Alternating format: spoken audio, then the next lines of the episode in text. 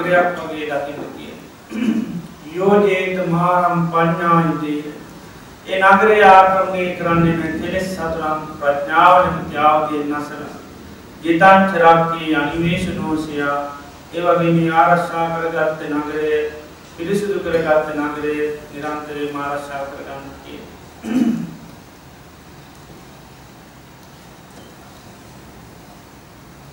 අපි අපේ ජීවිතය ගත්තහම අපි දන්නවා අපට සිත කායතුළ දෙකක්තිය. අපේ ජීවිතේ සිතයි කයයි කියන දෙකක්තිය.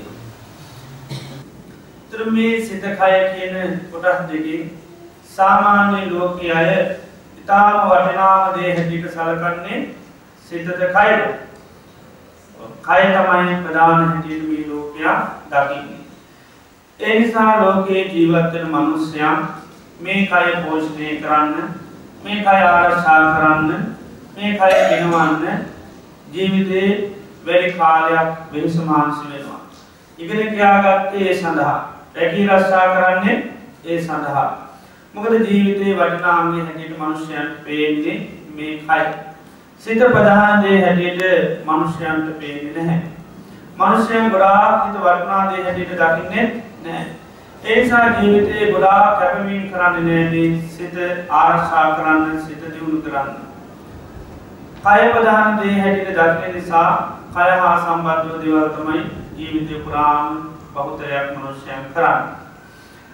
නමුත් අපේ ලෝතුරා බුදුරජාණන් වහන්සේගේ ධර්මයන්ව උන්වහන්සේගේ ජීවිතය ප්‍රධාන අංග හැටිට සලකන්නේ අපේ මේ සිත කියන මානස සිත විඤ්ඥානය කියන දේ තමයි ප්‍රධාන අංගේ හැටියට ප්‍රධාන දේ හැටියට බුදුරජාණන් වහන්සේ දේශනා කරන්න. බුදුරජාණන් වහන්සේ වැඩඉන්න කාලේ හිටි ආගමික නායකයම් පවා මේ කය තමයි ප්‍රධාන දේ හැටියට සැලකී. එනිසා කයෙන් කරන කර්ම පවා ඒ අය ප්‍රධාන දේ හැටිට පෙන්වා. කයින් යමක් කරන්න ඒ කාය කර්ම තමයි බරපතල වචී කර්මත් මනෝ කර්මවත් නෙවේ. ඉතින් බුදුරජාණන් වහන්සේ සමඟ වාද පවා ඇතුවෙලා තියෙනවා. ඒ කාල හිටි පසත් ප්‍රසිද්ධ ආගමික නායකයෙන් තමයි නිගන්ට නාථපුත්ත කිය. මෙන්න මේ නිගන්ට නාථපුත්ත කියන මේ සාත්‍රවරයාගේ මේ ආගමික නායකයාගේ ගෝලයෙන් බුදුරජාණන් වහන්සලට තැවිට පාටි කියලා ගිහි සාාවකේ උන්වහන්සේත් එක්ක මේ සම්බන්ධව වාදයක් ඇතිවුණා. උන්වහන්සේ වෙලාවේ මෙයාට මතක් කරනවා මනුෂ්‍යය කඩුවක් ගෙනල්ල උන්වහන්සේ වැඩි කියව කාලේ නාලන්දානුවර මේ නාලන්දා නොවර ඉන්න මිනිස්සු මනුසේ කඩුවක් ගෙනල්ල කියන මම මේ කඩුවෙන් එක මොහොතේම නාලන්දාවන්න මිනිස්සු මංගදාන්න පුළුවන්ද කියරව නාලන්දාවන්න මනුෂ්‍යයන් කඩුවකින් එක මොහොතේ මගදාන්න එතොට මෙයා කියනවා මනුෂ්‍යෝ සියත් දෙසියක් ආවත් නානන්දාව මිනිස්සු මරලදාන්න පුළුවන්කමක් නෑක මොහොතින් එනම් එක කෙනෙකුට කොහොමත් කරන්න එක පුළුවන්කමක් නෑක එවයි බුදුරජාන් වහන්සේ මෙයාගේ නැහවා ඒ කාලේ ඉඳලා තියෙනවා විවිධ විදිහට හිත දියුණු කරපු ඊශ්වරු තාපසවරු ඉඳලා තියෙනවා මේ වගේ ඊශ්වරයේ ශාපසයෙක් ඇවිල්ලා කිව්වොත් මේ නාලන්දාවේ ඉන්න මිනිස්සු මම ඒක මොහොතින් නැති කරලා දාන්න පුළුවන් කියලා ඒක කරන්න. ඊශ්වරයෙකුට හිත දියුණු කරපු කෙනෙකුට මේ නාලන්දාවේ ඉන්න මිනිස්සු ටික මම කොහොම නැති කරලා දාන්න පුළුවන්ද කියලා ඒක කරන්න. එතකොට මෙයා ප්‍රකාශ කරා ස්වාමීන් මේක නාලන්දාවක් නෙමෙයි නාලන්දා දෙක තුන තුනක් මිනිස්සු ඒ ඊශ්වරයාට තාපසයාට පුළුවන් නැති කරලා දාන්න තමන්ගේ චිත්ත සත්‍යය. එතකොට බුදුරජාණන් වහන්සේ පෙන්වුවා එනම් කයෙන් කරන්න වැඩ දේ මේ හිතෙන් කරන්න පුළුවන්. ඒ නිසා මේ හිත විවිධාකාරයේ බලයන් මේ හිත තුළින් පාවිච්චි කරන්න පුළුවන්. ඒ වගේ නරක දේ පවා මේ හිතින් කරන්න පුළුවන්. මනුෂ්‍යයන් නැති කරන දේක් පවා හිත දියුණු කරලා කරන්න පුළුවන්. ඒ නිසා මේ ජීවිතයේ ප්‍රධාන අංගයේ ප්‍රධාන දේ හිත හැටියට බුදුරජාණන් වහන්සේ වෙලාවයක් පෙන්වලා දුන්නා. ඒ කාලේ තිබුණා මේ කැලෑ කීපයක්. ඒ කැලෑ කොහොම ඊශ්වරුන්ගේ නම් වලින් තිබුණේ මාතංගාරණ්‍ය, කාලින්ගාරණ්‍ය කියලා මේ වගේ ඊශ්වරුන්ගේ නම් වලින් තිබුණා. බුදුරජාණන් වහන්සේ මෙයාගෙන් ඇහුවා ඇයි මේ ඊශ්වරුන්ගේ නම් තියෙන්නේ කැලෑවලට? එතකොට එයා කිව්වා ස්වාමීනි ඉස්සරව හොඳ නගර, හොඳ ගම්මාන ඒශ්වරුන්ගේ සාපයට ලක්වෙලා ඒව කෝම ගම් විනාශ වෙලා දැන් ඒවා කැලෑ බවට පත් වෙලා. එතන බුදුරජාණන් වහන්සේ පෙන්වුවා අන්න කයින් කරන්න බැරි දෙයක් මේ මනසින් කරන්න පුළුවන්. එතකොට මේ ජීවිතේ ගත්තා මේකයි උන්වහන්සේ පෙන්වන්නේ මේ මනස හිත කියන දේ තමයි ප්‍රධාන අංගය වෙන්නේ. ප්‍රධාන දේ වෙන්නේ. ඒ නිසායි බුදුරජාණන් වහන්සේගේ ධර්මයෙන් උන්වහන්සේ මේ හිත හදාගන්න දේශනා කරන්නේ. සියලුම දේ අතහැරලා සිත හදාගන්න කියන්නේ ඒකයි. උන්වහන්සේ ඒකයි බුද්ධ ශාසනය හඳුන්වා දෙනකොට කියන්නේ සතිත්ත පරියෝදපන ඒතං බුද්ධාන ශාසනම මේ හිත දමනය කර ගැනීම තමයි හිත දියුණු කිරීම තමයි බුද්ධ ශාසනය කියන්නේ. එතකොට මේක ඉතාම වටිනා කාර්ය භාරයක්. හැබැයි මේක ලෝකේ මිනිස්යන් ලේසියෙන් තේරුම් ගන්න පුළුවන් දෙයක් නෙවෙයි. ඉතාම සුළු පිරිසකට තමයි මේ හිතේ වටනාකම දැනෙන්නේ. ඒ ඉතාම සුළු පිරිසක් සඳහා පමණයි ඒ සඳහා ජීවිතේ කැප කරන්න. අනිත් අයට ඒක දේශින් තේරුම් ගන්න පුළුවන් කමක් නැහැ. මේකට වටිනා උපමා කතාවක් තියෙනවා. ලස්සන උපමා කතාවක් තියෙනවා. ඈත අතීතයේ ඉන්න ඉතාම ධර්ම සිටුවරයෙක් ඉන්නවා. ගොඩාක් සල්ලි තියෙන ධර්ම සිටුවරයෙක් ඉන්නවා. මෙයාගේ ධර්මත්කම නිසාම මෙයා විවාහ හතරක් කරගන්නවා. භාර්යාව හතර දෙනෙක් මෙයාට ඉන්නවා. ඉතින් මේ ධර්මන් සිටුවරයා තරුණ කාලයේදී මේ විවාහ කරගත්ත භාර්යාවන් හතර දෙනාගෙන් තුන් දෙනෙකුට ගොඩාක් ආදරය කරා. හැබැයි එක භාර්යාවකට වැඩි ආදරයක් කරේ නැහැ. හේතුව තමයි තරුණ වයසේ සිටිය සිටුවරයාට මේ භාර්යාවගේ ක්‍රියාකලාප ගැලපුණේ නැහැ. තුන් දෙනෙක් බොහෝම ප්‍රියමනාප වුණා. හේතුව තමයි තරුණ කාලේ සිටිය සිටුවරයාට මේ තුන් දෙනා ගැලපුණා. ඒ තුන් දෙනා හරි විනෝදකාමී, සෙල්ලක්කාරයි. ඒ වගේ ගති නිසා මෙයා ගොඩාක් මේ භාර්යාව තුන් දෙනාට ඇලුම් කරා. අර හතරවෙනි භාර්යාව ටිකක් වෙනස්. එයා දන් පින්කම් කරන්න කැමති, හොඳ දේවල් කරන්න කැමති, කළගුණ දන්න වගේ චරිතයක්. එයා ගොඩාක් විනෝදකාමී කෙනෙක් නෙවෙයි. එයා ජීවිතයේ යථා ස්වභාවය දැක නිසා එයා ටිකක් සංසුන් සාමකාමී කෙනෙක්. ඉතින් තරුණ කාලේ සිටුවරයට එච්චර මෙයා ගැලපුණේ නැහැ. විවාහ කරගත්ත ඉඳලා කන්න දුන්න දුන්න නැරෙන්න වැඩි දේවල් මෙයා කියන කෙනෙක් දේවල් කරන්න ගෙන මෙයා එක්ක වැඩි ගන්න දෙන්නවා තිබුණේ නැහැ. ඉතින් ගොඩාක් කාලේ කියලා භාර්යාව තුන් දෙනා ඒ අය වෙනුවෙන් කාලය සමය ධනිය ගොඩාක් වැය කරා. මෙහෙම කාලයක් ගියා. කාලයක් යන්න යන්න යන්න සිටුවරයා වයසට ගියා. මහලු වුණා. මරණාසන්න කාලය ආවා. සිටුවරයාට තේරුණා දැන් නම් වැඩි කාලයක් ජීවත් වෙන්නේ නැහැ. ඒ නිසා එයාට ඒ වෙනකොට තිබුණ ලොකු පිළිගැනීමක් තිබුණා මරුණට පස්සේ පරලෝකයකට යනවා. පරලෝකයකට යනවා මරුණට පස්සේ. ඒ නිසා සිටුවරයා කල්පනා කරලා දැන් පරලෝකෙට ගියහම තනියෙන් ඉන්න බෑ. ඒ නිසා මේ භාර්යාව හතර දෙනෙක් ඉන්නවානේ. එක්කෙනෙක් හරි අරපම් පරලෝකෙට යන්න ඕනේ කියලා කල්පනා කරා. ඒ නිසා ගොඩාක් ආදරය කරු පළවෙනි භාර්යාව කතා කරලා කිව්ව කාරණේ. දැන් මම මැරෙන්න යන්නේ. දැන් මම මෙන්න පරලෝකෙට යනවා. අනේ මට පරලෝකෙට තනිය යන්න බෑ. ඔයා එනවත් මාත් එක්ක පරලෝකෙට යන්න කියලා අර පළවෙනි භාර්යාවගේ අසා සිටියා. එතකොට පළවෙනි භාර්යාව කටට කිව්වා මේ පරලෝකයට යන්න නම් අඩියක්වත් දෙන්න බෑ කිව්වා. පරලෝකයට යන්න නම් අඩියක්වත් දෙන්න බෑ කිව්වා. ඉතින් සිටුවරට ගොඩාක් දුක හිතුණා. මොකද මෙයා වෙනුවෙන් තමයි කාලය සුනේ ධනෙ වැය කියලා ගොඩාක් ආදරය කෙරේ මේ භාර්යාවට. එතකොට පරලෝකයට යන්න අඩියක්වත් දෙන්න බෑ කිව්වා. ඊට පස්සේ ගොඩාක් කලකිරුණා, දුකක් ඇති වුණා. ඊට පස්සේ දෙවෙනි භාර්යාවට කතා කරා. ඇයට කතා කරලා කරුණු කිව්වා. අනේ ඔබත් එනවත් මාත් එක්ක පරලෝකයට යන්න එතකොට දෙවි පාරේ පොට්ටක් කල්පනා කරලා කිව්වා මම එන්නම් ඔබතුමාත් එක්ක ගේට්ටුව ළඟට විතරක්. එතනින් එහාට පරලෝකයට යන්න එන්න මට නම් බෑ කිව්වා. ගේට්ටුව ළඟට විතරක් එන්නම් කිව්වා. ඉතින් ඒ පිටුරට ගොඩාක් දුකට පත් වුණා. මොකද ඇයගෙන උණු කාලේ සමීදදී ගොඩාක් වැය කරා. ඊට පස්සේ තුන්වෙනි භාර්යාවට කතා කරා. තුන්වෙනි භාර්යාවට කතා කරලා කරුණු කාරණා කිව්වා. තුන්වෙනි භාර්යාවට එක වෙලාවක් කල්පනා කරලා කිව්වා මම එහෙනම් එන්නම් සෝන ළඟට අනේ එතනින් එහාට පරලෝකෙට නම් යන්න එන්න බැහැ කිව්වා. සෝන ළඟට විතරක් කනත් ළඟට එන්නම් කොතනින් එහාට නම් එන්න බැහැ කිව්වා. එතකොට සිටුවරයාට ගොඩාක් දුක හිතුණා දැන් මේ තුන් දෙනා වෙනුවෙන් තමයි මුළු ජීවිතේම කැප කරේ. කාලය සමයදානේ ගොඩාක් වැය කරා. හැබැයි මේ තුන් දෙනා එක්කෙනෙක්වත් පරලෝකෙට යන්න කැමති නැහැ. ඊට පස්සේ ඉතුරුනේ කවුද අර හතරවෙනි භාර්යාව, නොසලකු භාර්යාව. නිකමට හිතුණා මෙයාගෙන්වත් අහන්න ඕනි. මොකද පිළිසරණක් නැතුනම කවුරු හරි කමන්නේ නැහැ නිසා මේ හතරෙන් භාර්යාවට කතා කරලා කරුණු කියලා කිව්වා අනේ ඔබවත් එනවා මාත් එක්ක පරලෝකයට යන්න. එතකොට මේ හතරෙන් භාර්යාව කිව්වා ඔබතුමා කොහේ යන්නේ යන ඕන තැනක එන්නම් කිව්වා. මොකද ඔබතුමා වට කන්න බොන්න ඉන්න මේ ගුරු දේ කරන්නේ. ඒ නිසා ඔබතුමා යන ඕන තැනක එන්නම් කිව්වා පමණ. එතකොට මේ සිටුවරයාට තමන්ට ගොඩාක් ආදරය කරපු සැබෑම භාර්යාව තේරුම් ගන්න බැරුණ අවසාන මොහොත තමයි තේරුණ හැබැයි තේරෙනකොට වැඩක් නැහැ. තේරුම් යනකොට මේ හතරෙන් භාර්යාවට කරගන්න කරන්න තියෙන සැලකිලි දැන් මුකුත් කරන්න විදියක් නැහැ. ධානිය ඉතින් ඔක්කොම ලියලා දීලා තියෙන අර තුන් දෙනාට.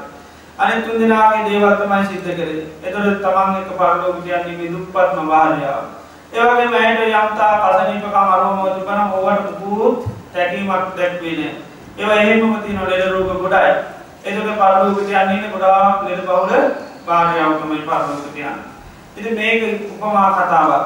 මේ උපමා කතාවෙන් පෙන්වන්නේ අපි හැමදෙනාටම භාර්යාවරු හතර දෙනෙක් ඉන්නවා. මේ එක එක්කෙනාට භාර්යාවරු හතර දෙනෙක් ඉන්නවා. අර සිටුවරයා වගේ තමයි මේ අපිත් මේ ලෝක සත්ත්ව හැමෝමත් මේ භාර්යාවරු හතර දෙනාගෙන් තුන් දෙනෙකුට තමයි ගොඩාක් ආදරය. ගොඩාක් ආදරය කරන්නේ තුන් දෙනෙකුට. එක භාර්යාවකට ඉන්න හින්දා ඔය සලකන වැඩේ ලොකු මේකක් නැහැ. ඉතින් අපේ ජීවිතේ මේ පළවෙනි භාර්යාව තමයි අපේ කය. අපේ කය වෙනුවෙන් තමයි අපි ගොඩාක් ආදරය කරන්නේ. ජීවිතේ ගොඩාක් කැපවීම කරන්නේ. ජීවිතේ කාලය සමය ධනෙ වැය කරන්නේ මොකක් වෙනුවෙන්ද? කය වෙනුවෙන්. කාලය ගත්තොත් එහෙම කාලය ගොඩාක් වැය කරලා තියෙන්නේ මොකේද? කය වෙනුවෙන්. නිදා ගන්න ජීවිතේ භාගයක්ම ඉවරයි. ජීවිතේ භාගයක් මේක නිදා නිදි කරවන්න. මේකට කවන්න පොවන්න නාවන්න ව්‍යායාම කරන තව ජීවිතේ කාලය කොටසක් යනවා. ඒ වගේම මේ විදිහට අපි ගොඩාක් මේ කය වෙනුවෙන් කාලය කියන එක ගත කරනවා. ශ්‍රමය ධනය කියන එකත් එහෙමයි. මේ අපි ඕනම වෙලාවක මේ කය නිවාඩු ඉල්ලුවොත් දෙනවද නැද්ද? කය මොනවද අපහසුතාවයක් දැනුනොත් කය ඉල්ලුවොත් නිවාඩුව ඕන වෙලාවක නිවාඩු දානවා. කිසිම පැටලීමක් නැහැ. මාසයක් ඉල්ලුවොත් මාසයක් දෙන්නේ.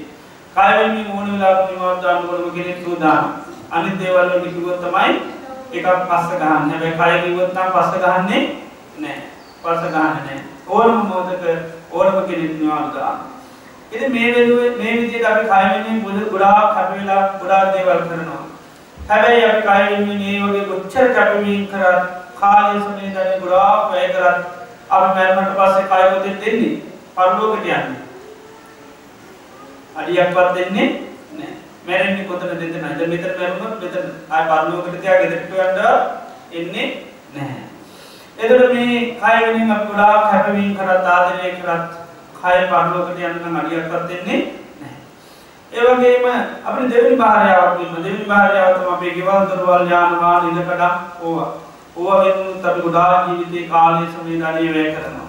ධනිය භාග භාගයක් වැය කරන්නේ ගෙවල් දොරවල් වෙනුවෙන්. අපි ඒ වෙනුවෙන් ගොඩාක් මේසු මහන්සියලා කටයුතු කරා.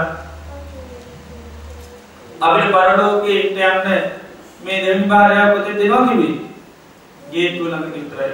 ඒ වගේ තමයි මරණයට පස්සේ ওই ගෙවල් දොරවල් වල අයිතිය තියෙන්නේ කොහෙද? මිනි පෙට්ටියේ ගේට්ුවෙන් එලියට ඇරයනකම් විතරයි ඊට පස්සේ ගෙවල් දොරවල් අයිතියක් තියෙද නෑ මැල්ලා පැයකට පස්සේ පැය දෙකකට පස්සේ එනවා අර මැරිජ් එක ඒ විදියට වෙනවා කවුද එන්නේ එතකොට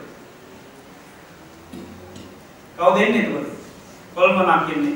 දොර අරින්ද දොර අරින්නේ එතකොට එන්න දෙන්නේ නෑ. අවසර නෑ. එත අයිඩිය තියෙන මිනි පෙට්ටිය අරගෙන කනිතර ඊට පස්සේ ආවොත් ඒ රූපෙන් ආවත් බාර ගන්න කැමති නෑ. ඊළඟට බුද්ධේ පේටෙක් ආවත් ඒත් බාර තියාගන්නේ නෑ. ඒත් තියාගන්නේ නෑ. ඒ තියාගන්නේ නැත්තේ. අයිති නෑ. අයිති නෑ. අයිති තියෙන මිනි පෙට්ටිය අරගෙන යනකම් විතරයි. ඊට පස්සේ අයිතියක් කතා කරාට අයිතියක් දෙන්නේ නැහැ ඉතින් ඒ වගේ ඒ වගේ අයිතිය තියෙන්නේ අර ගේට්ටුවේ මිනි පෙට්ටිය අරගෙන ඒකයි දෙවෙනි බාහිරට නම් ගේට්ටුව නම් පුතුලෙන් යාත්ම පරලෝකෙට එන්න බෑ ඊළඟට තුන්වෙනි භාර්යාවගේ තමයි අපේ අම්මා තාත්තා සහෝදර සහෝදර ඥාති මිත්‍ර දූ දරුවෝ ඔය වෙනුවෙන් තම ගොඩාක් කාලය සමේතනී ජීවිතේ ගත කරනවා. ගොඩාක් කාලේ දක්වනවා. ඒ වෙනුවෙන් අපි එච්චර කැපවීම කරත් මරණට පස්සේ අය පොතේ දෙන්නේ. සෝන ළඟට විතරයි. සෝන ළඟට ගිහිල්ලා කොච්චර ආදරය කරත් ඉතින් යන්න කවුරුත් පරලෝකෙට යන්නේ නැහැ. එතන පරලෝකෙට කවුරුත් දෙන්නේ නැහැ. එතන පරලෝකෙට යන්නේ කවුද? ඔව් අන නොසලකු භාර්යාව කවුද? හදාගත්ත හිතයි කරගත්ත පින. හිත තමයි පරලෝකෙට එන්නේ. පිනක් කරගත්ත නෝක තමයි පරලෝකේ කරා යන්නේ. ඉතින් ඒ යම් හෝ පොඩි පිනක් කරගත්ත නම් යම් ප්‍රමාණයකට හෝ හිත වදාගත්ත නම් ඔන්න ඕක තමයි පරලෝකෙට යන්නේ භාර්යාව. අනිත් භාර්යාව තුන් දෙනාම ඉන්නේ නැහැ. හැබැයි මේ භාර්යාවගේ තියෙන වර්ණාගම අපිට ගොඩක් තේරෙන්නේ නැහැ. මේ වෙනුවෙන් අපි ගොඩාක් කාලය සමේ දඩේ වැය කරන්නේ. ඒක අපිට ගණන් හදලා පෙන්වන්න පුළුවන් මතක් කරගත්තොත් අපි කොච්චර හිත වෙනුවෙන් අපි කාලය වැය කරලා තියෙනවා. භාවනා කරන්න ඉඳගත්ත ඉඳගත්ත වාර ගන්න පැය ගානින් ඕන ලේලා කියන්න පුළුවන් සිහිය තියෙනවා. නේද? ඒ තරමට අපි අඩුවෙන් තමයි වැය කරලා තියෙන්නේ. ඒ වගේ පිනෙන්දාම් සදා යොදපු කාලේ වුණත් එහෙමයි. ඉතින් ඒ විදිහට හැබැයි එහෙම මෙන් හරි භාගයට කාලට හරි යම්තම් හරි කරගත්තොත් පිනක් දහම ආන්න ඒක තමයි පරලෝකයට යන්නේ. ඒතර හතරවෙනි භාර්යාවට කරන පොඩි සැලකිල්ලවත් ඇය අමතක කරේ නෑ. කන්න බොන්න දුන්නවත් මහා ලොකුට සැලකුවා. ඒ වගේ තමයි අපි යම්තම් ඔය එහෙම මෙන් පිනක් කරගත්තොත් මිනිස්සේ ඒක කවදාකවත් අමතක කරන්නේ නෑ. පරලෝක ජීවිතයට ඇවිල්ලා පිහිට පිළිසරදෙනවා මොනම තියෙන සත්‍ය ප්‍රමාණය. පිනේ තියෙන හයියෙන් හිතේ තියෙන හයියෙන් පරලෝක ජීවිතේට උපකාර කරනවා. අපි දන්නවද මේ ඉස්සෙල්ලත් අපේ ජීවිතයක් තිබුණා. මේ ඉස්සෙල්ලා අපි සමහර මිනිස්සෙක් වෙලාම දෙන්න පුළුවන්. දැන් මේ ඉස්සෙල්ලත් අපේ මේ ඉස්සෙල්ලා ජීවිතේ බාහිර කී දෙනෙක් හිටියද? හතරක් හිටිය කවුද ආවේ? ආන්න එක භාර්යාව ආවේ. අනිත් භාර්යාව තුන් දෙනාම අපිත් එක්ක ආවේ නැහැ. යම් ප්‍රමාණයක හිතේ පිනක් සිද්ධ කරගත්තා නම් යම් ප්‍රමාණයක හිත හදාගෙන ආව නම් ආන්න ඒක තමයි මේ මේ ජීවිතය ආවේ. ඒ පිනට අනුරූපව තමයි අපිට දේවල් ලැබෙන්නේ. අම්මා තාත්තා ලැබෙන රූපේ ලැබෙන කටහඬ ලැබෙන ඌව ලැබෙන මොකක් නිසාද? අපේ පිනේ ප්‍රමාණය. ඊට පස්සේ ජීවත් වෙනකොට අපි හැම වෙලේම අපි ආරක්ෂා කරගෙන ආව කවුද? අපේ හිත. කය නෙමෙයි. හිත තමයි ආරක්ෂා කරගෙන ආවේ. හිතේ හැයිය තමයි අපි යම් ප්‍රමාණයට මේ ලෝක අභියෝග මැද අපි ජයගෙන ආවේ. අපේ හිත ඉතාම දුර්වල ලාමක හිතක් නම් අපි සමාන්ට මෙතන නැහැ. කූඩුවෙල ඉන්න පුළුවන්. සමහර පරලෝකෙත් ඉන්න පුළුවන්. අපිත් එක්ක හිටිය අය සමහර මේ තත්ත්වයට පත් වෙලා. එතකොට ඒ අයට ඒ තත්ත්වයට පත් වුණේ ඒකට හිතවල තිබුණු දුර්වලතා නිසා. එයාට බැරි වුණා ජීවිතේ අභියෝග වලට ජය ගන්න. හිතට හයියක් තිබුණේ නැහැ. සත්‍යයක් තිබුණේ නැහැ. හැබැයි අපි යම් ප්‍රමාණික හයියක් තිබුණා. අපි ඒ අභියෝග ගැන යන්තම් ආවා. යන්තම් දැන්ට පිළිවෙල නොවේදී අපි ජීවත් වෙනවා. නේද? සමහර අය අපි දන්නවා මානසික මුතු වලින් ආර්ථික වලින් ඉන්නවා. අපි ඒ ඒ මුතු යන්තම් බේරුණා. ඒ බේරුනේ මොකක් නිසාද? යම් ප්‍රමාණයක හිතේ සත්‍යයක් තිබුණා. ඒ නිසා. මේ ජීවිතෙත් යම් ප්‍රමාණයක හදාගත්තොත් තියෙන හයියෙන් තමයි ජීවත් වෙන්නේ. ඒ වගේම දැන් අපි මේ ජීවිතේ මෙහෙම ගිහිල්ලා වයසට යනවා. දැන් වයසට යනකොට කවුද උපකාර කරන්නේ? කය මොනවද උපකාර කරන්නේ? කයනේ නෑ. කය තුත්ති දේවද තිතිකම් මේ පළවෙනි නෝනට ගොඩාක් තරහා යනවා. චුට්ටක් මේ වෙච්ච ගමන් බොර වතුර ටික වැරදුනොත් නාන වතුර ටික වැරදුනොත් ඉරියව් වැරදුනොත් මොකද වෙන්නේ? ආ ලෙඩ වෙනවා. ආයෙ ලෙඩ වුණාට පස්සේ බහදාන කරන්න දෙන්නේ නෑ. දස වද දෙනවා මිසක් ආයෙ කිසි සාහනයක් සැලසිල්ලක් දෙනවද? නෑ. කලගුණ සැලකිල්ල බින්දුවේ. හැබැයි හිත හදාගෙන තිබුණා නම් ආන්නේ වෙලාවට හිත වෙනවා. හිතේ පිනක් රැස් කරගෙන තිබුණා නම් ඕක ගැන හිතලා සතුටු වෙන්න පුළුවන්. ඇදට වැරලා හිටියත් හිත හදාගත්තනම් පිනක් කරගත්තනම් ගොඩා සතුටින් සංසෝසි මේ ජීවිතම ගත කරන්න පුළුව ඒවගේ පල්ලු යනකටත්තේ හදාගත් හිතයි කරගත්ත පිනයනවා ඉති ඒකයි බුදුරජාන් වහන්සේ ධර්මය තුළ උන්වහන්සේ මේ හිත හදාගෙන විතාම වටනා කාරය භාරයක් හැට දේශනා කරන්න. හිත හදාගැනීම අංකෙකට දාලා තියෙන එකයි බුද්ධ ශාසනය තුළ හිත හදාගත්ත නැතුවත් මුණ දේ තුළ ජීවිතය වැඩක් වෙන්නේ නැහැ. අපි දන්නවා අපේ ජීවිතේ අපේ හිත වැඩිච්ච වෙලාවල්ලට අපිට ජීවිත මොනවා තිබුණත් වෙලා නැහැ. අපි හොඳට කෑමක් බීමක් කන්න හදාගත් වෙලාගේ හිත බිඳුනොත් හිත කැඩුණොත් හිත කිලිටුණොත් මොකද වෙන්නේ? කනබන ආහාර රස්තරගන්න පුළුවන් වේද නෑ ඒකේ සතුටක් බුද්ධියක් විඳින්න ලැබෙන්නේ නෑ සමානලට කියන කෑවේ මොනවද කියලාවත් දන්නේ නෑ ඒ තරමට හිත වේදනා. නේද? එහෙම කියනවා. සමහර අය කියනවා මට නම් දැන් ජීවිතේ මොකුත් වෙලා නැහැ. මගේ හිත බිඳුණා හිත බිඳිච්ච ඉඳ දැන් මොකුත් වෙලා නෑ. තියෙන මොකුත් වැඩ හිත බිඳිලා තියෙන හිත බිඳුනට පස්සේ අර මොකක්වත් වැඩක් නෑ. තියෙන යාන වාහන වලින් වැඩක් නෑ. හදාගත්ත ගෙවල් දොරවල් වල කිසි සතුටක් නෑ. දුව පාසු ඇලම් මෙන්ට තිබුණත් ඔබ හොඳට නිින්ද යන්නේ නෑ. ඇඳේ දෝෂයක් දෙතොල ඇඳේ දෝෂයකුත් නෑ.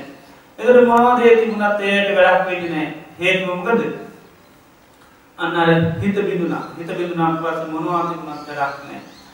ඒ නිසා ජීවිතය අපි ගොඩ දේවල් ගොඩ නගා ගත්තත් හිත වැටුණොත් හිත බිඳුනොත් හිත කලකිරුණොත් හිත පිරිහුණොත් ඔක්කෝම අපිට වැඩක් ඉන්නනේ ඉතේ මය ඕන තරම මේ පිනුතුන් දැකලා ඇති හැමදාම හැඬු කම දෙගන්නවා අනන්ද බාහිර හේතු මුකුත් අඩුනේ ගෙවල් දොරවල් හොඳට තියෙනවා. රූප සම්පත්තිය සමාරලාට තියෙන හැමදේම තියෙනවා. හැමදේම තිබුණාට හැබැයි ජීවිතේ හැමදාම නාගෙන ඉන්නේ. ඒකට හේතුව මොකද්ද? හිතේ තියෙන ප්‍රශ්නය. හිත හදාගන්න බැරුණා ඒ නිසා තියෙන්නේ. හිත හයිය නෑ හයිය නැති හිත මොකක්ද ඉක්මනට වෙන්නේ? බින්දෙනවා කැඩෙනවා. හිත කැඩෙනවා බින්දෙනවා හිතේ හයිය නැති නිසා. චූටි ප්‍රශ්නයක් ඇති පොඩි දෙයක් ඇති පොඩි දෙයක් ඇතුළු ගමන් ජීවිතේදීම ඔක්කොම අවසාන වෙනවා ඉතින් ඒ නිසා බුදුරජාණන් වහන්සේ කයි හිත හදාගැනීම වටින්නේ. අපි ධර්මජාත උත්සව වලට පාටි වලට යනවා. දවෝයි තැන්වල කවරුවරයි ඉතාම ධර්මවිත රාණු සුරුවල් ඇතිකර ගත්තු අමනාපකම් ඇතිකර ගත්තු අනවස්සේ ප්‍රශ්න ඇතර ගත්තු අපිටවත් හරියට පාටියක තියෙන දෑ පුද්විඳින්න පුළුවන්ද? අපේ හිතුත් නිකාමකක්ද වෙලා යන බීරාන්ත වෙලා යන ඔක්කෝ එතකොට බලන්න ඒ වගේ තැන්වල සතුටේ මිනිසුන්ට දේවල් තිබ්බත් මිනිසුන්ගේ හිත් කඩාගෙන වැටුන තරම මොකක්වත් වැඩ නැහැ. ඉතින් ඒකයි බුදුරජාණන් වහන්සේගේ ධර්මයේ මේ හිත හදාගෙන ඉතා වටිනා දෙයක් හැටියට පෙන්වන්නේ. ඒවගේ බුදුරජාණන් වහන්සේ ධම්මපදයම ගාථාව දේශනා කරනවා මේ හිත නොමග ගියොත් හරියට කවුරු වගේද? වතුරෙක් වගේ කියනවා. ධම්මපදේ ගාථාව කාටත් මතක ඇති.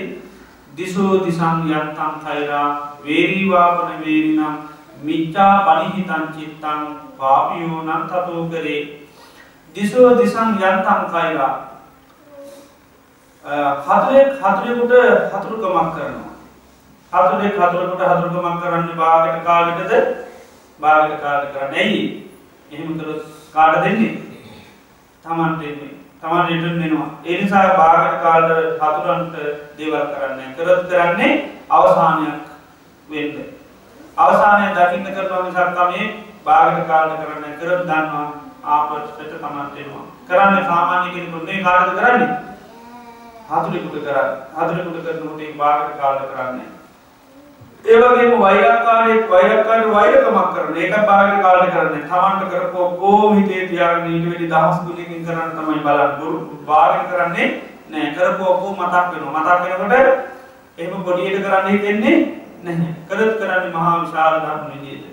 බුදුරජාණන් වහන්සේ දේශනා කරන හැබැයි ඊටත් වැඩි ධර්මය කියනවා හිතනම ගියාම හතුරෙක් හතුරෙකුට කරන හතුරුකමකට වැඩිය වෛරකාරය තමත් වෛරකාරයකට කරන වෛරහිකට වැඩි හිත දරුණුව කියන නොමග කියුත්තහෙම මිච්චා පනිහි තකිත වැරදි දියට යන වැරදි මාර්ගයට යනවා. ආනේ ගියාම ඊට වැඩි දරුණ මොකද හතුරේ හතරකට කරන්න පුළුවන් හත්ද වැඩිපුරම කරන්න පුළුවන් එකම දේ මොකද්ද? මටදායි පොඩි වැඩි දෙයක් ගන්න පුළුවන්ද ඔක තමයි ප්‍රධානම කරන්න පුළුවන්. ඊට එහාට පොඩි පොඩි දේවල් ජීවිතේ කරන්න පුළුවන්. හැබැයි හදලවට පුළුවන්කමක් නැහැ මිනිස්සේ කපායමට සංසාර පුරා විදවන ප්‍රශ්න ඇති කරන්න බෑ. ඒක කරගන්නේ කුංජලයන් සක් හතරේ කරන්නේ නැහැ. වෛරකාරයෙකුටත් එහෙමයි. හැබැයි හිතනම ගියොත් ඊට වැඩිය දරුණුයි. හිතනම ගියා මේ ජීවිතේ විතර නෙමෙයි පිළිව ගන්න. මේ විතර ජීවිතේ විතර නෙමෙයි විඳවන්නේ. සසර පුරා කල්ප ගණන් විඳවනවා තමන්ගේ හිතේ කරගත්ත දේවල්. ඒක ඇත්තටම හතුරුකොට කරලා දෙන්න බෑ. හතුරුකොට බාහිර ලෝකෙ නිමිති ඇති කරන වැඩෙන්න වෙන දෙයක් කරන්න බෑ. හැබැයි හිතනම ගියොත් ඉතින් කරලා දෙනවා ඒ දේ. ඉතින් කරලා දෙනවා ඒ විනාශය. ඒකයි බුදුරජාණන් වහන්සේ මේ හිතනම ගියේ මේ හිත කෙලෙස් වලින් කෙලෙසුණුත් ගොඩාක් ඒ හිත හරිය දරුණු. ඒ හරි භයානකයි. අපිදන්න බුදුරජාණන් වහන්සේ කාල සමාරය හිත කෙලෙසෙන කෙලෙසගෙන බුදුරජාණන් වහන්සේවත් සමහරයට හඳුන ගන්න බැරිවුණා. උන්වහන්සේගේ අපපත්තාන කරා සමහරය අපපත්තාන කරවත් උන්වහන්සේ හඳුන ගන්න බැරිවුණා. උන්වහන්සේත් එක්ක වෛර බැනගත්තා. උන්වහන්සේට නොේ අගුණු කතා කරලා අදත් ඒ අය කොහෙදින්නේ අපායන්නේ. මේ වෙනකොටත් ඒ දුක් විඳිනවා. මේ වෙනකොටත් යටිගිලින් කෑ ගන්න ඇති තමන් කරපු දේවල් සීවිලා. එතකොට ඒ අයට ඒ තත්ත්ව උදා කරලා දුන්නේ ඒ කාලේ සමාජයේ කවුරුද? නෑ. බුදුරජාණන් වහන්සේවත් වෙන ශ්‍රාවකවත් කවුරුත් ඇති කරලා දුන්නේ නෑ. එයාගේ හතුරෙන් කවුරුත් ඇති කරලා දුන්න දේවල් නෙවෙයි. කවුද ඇති කරගත්තේ? තමන්ගේ හිතේ තියෙන කෙලෙස් ඇති කරලා දුන්නේ. තමන්ගේ මේක දූෂණේ තමයි ඒක ඇති වුනේ. අපි දන්නවා බුදුරජාණන් වහන්සේට ප්‍රදාන කරපු ශ්‍රාවකෙක් හිටිය සුණක්කත් කියලා. සුරංකත කියන රාජකුමාරී මෙයා ලිච්චවි රාජකුමාරී බුදුරජාණන් වහන්සේගේ බනාල පැහැදුනා. පැහැදිල මහනුනා මහනුන් දෙස්සල බුදුගුණ කියගේ ගයා උසාලා මහනුවර මිනිස්සු අතර බුදුරජාණන් වහන්සේ ගැන. ඔහම කියපු මේ කෙන මහනුලා ටික කාලයක් බුදුරජාණන් වහන්සේ හිටිය පත්තානත් කරා. බණභාවනත් කර. භාවනාවත් යම් ප්‍රමාණික දියුණුනා උන්වහන්සේගේ තවත් ඉහට උපදෙසිගන් උන්වහන්සේ දැනගත්තමයට මේ වෙලාවේ මේක විතරක් මෙතෙක් පමණයි කරන්න පුළුවන්. මේ වෙලාවේ යට එච්චර යන සුදුසු හයියක් නැහැ. ඒ නිසා උන්වහන්සේට උපදෙස් දුන්නා. නමුත් එයා හිතුවේ ඒ වෙලාවේ බුදුරජාණන් වහන්සේට ඊර්ෂ්‍යාව කියලා දෙන්නේ නැහැ කියලා. ඒ නිසා මෙතනදී හිත එයාගේ වැටුණා. හිත බෙදුණා බුදුරජාණන් වහන්සේ කෙරේ ඊට පස්සේ අර තිබුණු පැහැදිලි වෙන්නේ අඩු වුණා. එන්නේ අඩු වුණා. ඊට පස්සේ එන්නේ එන්නේ ගොඩනැගෙන පොඩ පොඩ වෛරයක් ගොඩනැගෙන බුදුරජාණන් වහන්සේ ඊට පස්සේ බුදුරජාණන් වහන්සේගෙන් ගිහිල්ලා එක එක වෙලීම් කරනවා. ඉතින් බුදුරජාණන් වහන්සේ එයාට යම් යම් වාර්තා ඉන්නේමුත් සකස් කරලා දුන්නා. ඉතින් මෙහෙම කාලයක් ගියා. ඉතින් දවසක් මෙහා බුදුරජාණන් වහන්සේත් එක්ක පින්න පාතේ වඩිනවා. පින්න පාතේ වඩිනකොට මෙයා දැක්කා ඒ කාලේ ඉඳලා තියෙන ඔය තවුස් තවුස් ඉඳලා තියෙන තපස්කම් කරන අය ඉඳලා තියෙන ගෝවුත අජවුත ආදී ඔය නොයේ පුත සමාදන් වෙච්ච අය ඉඳලා තියෙන පින්න තුන් අහලා ඇති. ඉතින් ඒ වගේ ගෝරක් කට්ටිය කියලා මේ බලුත්තේ සමාදන් වෙච්ච තාම සේත් දැක්කා. ඉතින් බල්ලා වගේ තමයි ආ යන්නේ ඉන්නේ ඔක්කොම ඇඳුන්නේ නැහැ. ඉතින් එයා එක මෙයා නිකන් මේ සීතලේ ඇඳුම් නැතුව මිනිහෙක් ඉන්නවා කියන්නේ ලේසි වැඩද? ඉන්න පුළුවන්කම නැහැ. එහෙනම් ඒක ලොකු අමාරු කාර්යභාරයක්. ඉතින් ඒ නිසා මෙයා හිතුවා මෙයා ලෝකේ රහතන් වහන්සේ නමක් තමයි. කියලා හිත පැහැදුනා. එයාගේ ක්‍රියාකලාපය දැකලා. ඉතින් බුදුරජාණන් වහන්සේ දැක්කම එයාගේ හිත දැකලා බුදුරජාණන් වහන්සේ මෙයාගෙන් ඇහුවා සුනක්කත් ඔබ සමන සාක්‍ය පුත්‍රයෙක් හැටියට ප්‍රතිඥා දෙනවා කියලා. එතකොට මෙයා අහනවා බුදුරජාණන් වහන්සේගෙන් ඇයි භාගතුන් වහන්සේ මගෙන් එහෙම අහන්නේ? එතකොට බුදුරජාණන් වහන්සේ කිව්වා සුනක්කත් ඔබ කල්පනා කරා අර නිර්වත් අවසා මහා රහත් කෙනෙක් හැටියට. එතකොට මෙයා අහනවා බුදුරජාණන් වහන්සේගෙන් ඇයි භාගතුන් වහන්සේ රාතන් වහන්සේලාත් එක්ක ඉරිසියයිද කියලා අහනවා. රාතන් වහන්සේලාත් එක්ක ඉරිසියයිද කියලා අහනවා. කියන්නේ අනිත් අය රහත් වෙනවට කැමති නැද්ද කියලා. එතකොට බුදුරජාණන් වහන්සේ අහනවා මිනිස්සු මං කාගේවත් රාත්කම් වලට ඉරිසියා කරන්නේ නැහැ. ඔය ඔයා රාතන් වහන්සේ කියන කුජිරේ තව දවස් 7යි ජීවත් වෙන්නේ. ඔයා මැරෙන්නේ අදීන රෝගියෙක්. මැරුණාට පස්සේ බීරත්තම්බක කියන සුසාන භූමියේ ගිහිල්ලා දානවා. මැරුණාට පස්සේ ගිහිල්ලා උපදින්නේ කාලකන්ද කියන අසුරය පා උපදින්නේ. ඔබට ඕන ඒ මිනිහ මහ ගන්න පුළුවන් යා මැරිච්ච තැන. මේ විදිහට බුදුරජාණන් වහන්සේ ප්‍රකාශ කරනවා. ඉතින් ප්‍රකාශ කරාට පස්සේ මෙයාට ඕනි වෙනවා මේක වෙනස් කරන්න. දැන් බලන්න පිට පිටපස්ස පත්තානේ අනයි එතනම ගියාම වෙන සිද්ධි. ඉතින් ඊට පස්සේ මෙයා අර තවසරකට ගිහිල්ලා කියනවා මේ ඔය ගැන මෙහෙම සමන ගෞතමිය ප්‍රකාශ කරා. ඔබ මේ දවස් 7කින් මැරෙනවා හැබැයි ඔබ මැරෙන්නේ මොකෙන්ද? අජීර්ණ රෝගී. ඒ නිසා වැඩි කන්න බොන්න එපා කිව්වා. වැඩි කන්න බොන්න යන්න එපා. ඔය පොඩ්ඩක් යාන්ත කාලේ ජීවත් වෙනවා. දවස් 7න් පස්සේ උදේට කන්න පුළුවන්. ඉතින් මෙහෙම මේ දවසත් මොකද කරේ නොකාන ගිහින් හිටිය නමුත් වැඩි දවස් ඉන්න බැරි වුණා. දවස් 5 යනකොට බඩගිනි වැඩි ඒ ඉන්න මොකද වෙන්නේ? මරණත් කමන්නේ කියලා කෑවා. කෑවට පස්සේ මොකද උනේ? අජීර්ණ හැදිලා අරකෙට විදිර දවස් සතෙන් මැරම මැරමට පස්ස බීරක්කම කියන සුසාන් භූමියට ගිහින් දැම්ම. දැන් සුනක් අතට ආරංචුනා ආරංචිල ගිහිල්ලා අර මිනිට පයිකර දැ කේන්ති. කිය විදිර සිද්ධ වනේ නෑ කේන්තින් පයිංගල උඹ කොහෙද පුදුමේ කියලා මිනිිය නැගිල්ලා මම කාකන් ජක් අතුර අපායතුදී කියලා ඒමට ඉති මේ විදිට බුදුරජාණන් වහන්සේ එයා ඉදිපාතියාරයක් පාලා ඒත් එයා බුදුරජාණන් වහන්සේ කරේ පැහැදිලින අරහිත තියෙන වෛරේ තරහනිසා බලන්න හිත නොමගියම් කොච්චර දරුණුවද? බුදු කෙනෙක් පහලන උන්වහන්සේ ළඟේදර උපස්ථාන කළ බනාම පහල භාවනත් කරලා හිත නොම ඒ නිසා අනයන් පිටක් පිටසන්න ලබාගන්න බැරුව ජඩත් අපාගත වෙලායින්නවා ඒකයි හිත වැරදි විදිහට පිටුව ගත්තොත් වැරදි චේතනා පහල කරගත්තොත් ආන්න ඒතුමින් මනුෂ්‍යයට මහා විපතක් කතල දෙන්න. ඒක මේ අම්මතාත සවදර සෞජ ඥාත මිත්‍රෝ කරන එකක් නෙමේ හතුරෙන් කරන එකක් නේ වෛරක්කාරය කරන එකක් නේ තමන්ගේ හිත කරන එකක්. ඒකයි බුදුරජාණන් වහන්සේ හිත නමග ගියොත් එනිකා භයංකයි කියන්න. හිත සමග ගියාමත් එහෙමයි අම්මා තාත්තටත් වැඩිය ගොඩාක් හොඳයි කියනවා හිත සමග ගියාම. අම්මා තාත්තා කරලා දෙනවටත් වැඩිය ලොකු යහපතක් හිත කරලා දෙනවා. අම්මා තාත්තට උගන්නන ගෙවල් දොරවල් ව්‍යා කරලා දීලා ඔයගේ දේවල් ටිකක් කරලා දෙනවා. ඊට වැඩි දෙයක් අම්මා තාත්තට කරන්න බෑ. හැබැයි හිතේ ඊට වැඩි ලොකු සිතක් අපිට මේ ජීවිතේ ඒ වගේම හැමතැනදීම අපිට හදලා දෙනවා. ඉතින් ඒ නිසා බුදුරජාණන් වහන්සේගේ ධර්මය තුළ ඒකයි වහන්සේ මේ හිත ඉතාම වටිනා ඉතාම හොඳ දෙයක් හැටියට දේශනා කරන එක මේක වටිනා නගරයක් වගේ කියනවා කයනම් මොකක් වගේද මටිවාජනයක් කොට මහා බලයක් නැති දෙයක් අපි බලයක් තියෙන වගේ හිතාගත්තට කොයි වෙලේ මේ කලේ විදිහට දන්නේ නැහැ කය කියන්නේ මෙඩිකලයක් වගේ ඉතා සත්‍ය අඩු එකක් අපි සත්‍යයක් දාගෙන ඉන්නවා පමණයි මේක මදුරුවෙකුට පුළුවන් එට වෙනකොට නැති කරලා දාන්න. ඒ වගේ ඉතා දුබල එකක් අය කියන්නේ. හැබැයි හිත මහා වටින එකක් ඒක නගරයක් වගේ. හැබැයි නගරයේ වටිනා වුණාට නගරය ඇතුලේ හිටියොත් සතුරු නගරේ වටින්නේ නැහැ. නගරේ වටිනා එකක් වුණාට සතුරු හිටියොත් කවුද ආක්‍රමණය කරන්නේ? කවුද පාලනය කරන්නේ නගරේ? සතුරන් තමයි නගරේ පාලනය කරන්නේ. සතුරු අතේ නගරේ තියෙන. ඒතර සතුරන් පොදිද නගරේ හසුරුවන වෙලෙන්නේ නගරේ අයිතිකාරයාට නගරය හසුරුවන්න පුළුවන්කම නැහැ. එති එනිසා අපේ හිතත් වටිනා නගරයක් වගේ. මේ නගරේ වටනා නගරය තුළ කෙලෙස් නමති සතුරාගීම ඒ කෙලෙස් ඇති මතුර සතුරන්තමයි මේ නගරේ පාලනය කරන්න. දේනිසා බුදුරජාණන් වහන්සේගේ ධර්මය තුළ උන්හස පෙන්න්න මේ හිත ප්‍රධානදේ හිත වටනාදේ හිත ආරශ්ා කරන්න කියනවා. ඒකයි දම පතින්තරකා තවත්තියන්නේ මනු පුබ්බංග මා දම්මා මනුසෙට්ටා මනුමයා මනෝපුපංගමා ධර්මා කැනෙක හැම දේටම් පූර්වාංගම දේමකක්ද මනස. මනෝසෙට්ටා වටිනාම දේමකක්ද මනස. මනෝමයා ජීවිතය සෑම් නිර්මාණයම කරන්න කවුද?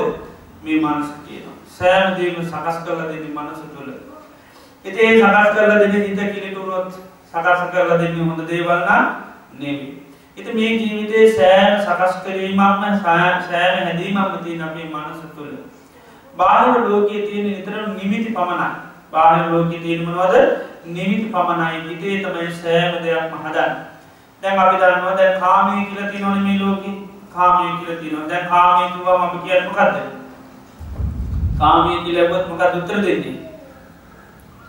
රූප, ශබ්ද, ගන්ධ, රස, ස්පර්ශ කියලා අපි කියනවා. හැබැයි බුදුරජාණන් වහන්සේ කියන මේවට කාමය කියන්නේ නෑ මේවට කියන්නේ මොකද්ද? පංචකාම ගුණ කියලා. කැමැත්ත ඇති කරලා දෙන දේවල්. මේවට කාමය කියන්නේ නැහැ. බුදුරජාණන් වහන්සේ කියන කාමය කියන්නේ සංකප්ප රාගෝ පුරිසස්සකාම. මනුෂ්‍යයාගේ සංකල්පයක් කියන කාමය කියන්නේ. සංකල්පයක් කියන්නේ හිතේ හදාගත්ත ගතිය. ඒකයි. කාමයේ බාහිර නෑ. බාහිර තියෙන්නේ මොකද්ද? කාම ගුණ කැමැත්ත ඇති කරලා දෙන දෙයක් තමයි බාහිර ලෝකේ තියෙන්නේ. බාහිර ලෝකේ කාමෙන්ගාන රහත්වයට පුළුවන් වෙනවද? බෑ. ඇයි? රහත් වුණාම පේනවන දේවල් කනට ඇහෙනවා, ඇහැට පේන දේ මොකද වෙන්නේ? ප්‍රශ්නයක් ඇති වෙනවා. ඒ නිසා බාහිර ලෝකේ තියෙන කාම ගුණ කාමයේ තියෙන කොහෙද? අන්න හිතේ ඒකයි. සිතේ හදාගන්න දෙයක් කාමේ සංකප්ප රාගෝ පුරිසස්ස කාමෝ නතේ කාමා යානි චිත්‍රානි ලෝකේ. ලෝකේ තියෙන විසිතුරු දේවල් වලට කාමී කියන්නේ නේව කාම ගුණ පමණයි. තිට්ටානි චිත්‍රානි තතේව ලෝකේ ලෝකෙ තියෙන විසිතුරු දේවල් එහෙමම තියෙනවා කියනවා. අතෙත්ත දීරා විනියන්ති චන්දං නුවණැති අය තමන්ගේ කැමැත්ත අයින් කරගන්න හිතේ තියෙන.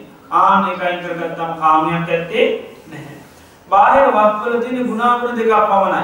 ගුණයක් තියෙනවා අගුණයක් තියෙනවා. ඒවට කියන්නේ අපි නිමිති කියලා. ඒවට කියන්නේ නිමිති. කැමැත්ත ඇති කරලා දෙන ස්වභාවයක් තියෙනවා. අකමැත්ත ඇති කරලා දෙන ස්වභාවයකුත් තියෙනවා. දැන් අපි කියමු කෑමක් ගත්තොත් මේ ලෝකයේ තියෙන සෑම කෑම වලට මේ කවුරුත් කැමතිද? නෑ. හැම කෑමක් ආස කරන්නේ හැම කෑමකටම රුචි කරන්නේ සමහර කෑම වලට තමයි අපි කැමති සමහර වලට කැමති නෑ. කෑම තියෙන්නේ මොකක්ද ඒතකොට? ගුණාගුණ දෙකක් තියෙනවා. කෑම තියෙන ගුණ හිතුවොත් අපි කෑමට කැමති කෑම තියෙන අගුණ හිතුවොත් කෑමට කැමතිද? කැමති නෑ. එතකොට මේචකට ගියාම හැම කෑම දැක්කාම කටට කෙලවුණා. එහෙම වෙන්නේ නැහැ. කැමති කෑම දැක්කම පමණයි. අනිත් කෑම වලට අපිට එහෙම මේකක් නැහැ. එතකොට අර කෑමේ තියෙන ගුණාත්මක දෙයක් අපි හිතුවොත් ගුණාත්මක භාවය අපි ඒ කෑමට කැමති අපිට හිතුවොත් අපි ඒ කෑම පෙන්වන්න දකින්න කැමති නැහැ. දැක්කමත් හරි අපිරියයි සමහර වෙලාවට. හැබැයි ඒ අපි අපිරිය කරන කෑම තව කෙනෙක් ඒ වෙලාවෙම බදා ගන්න පුළුවන්.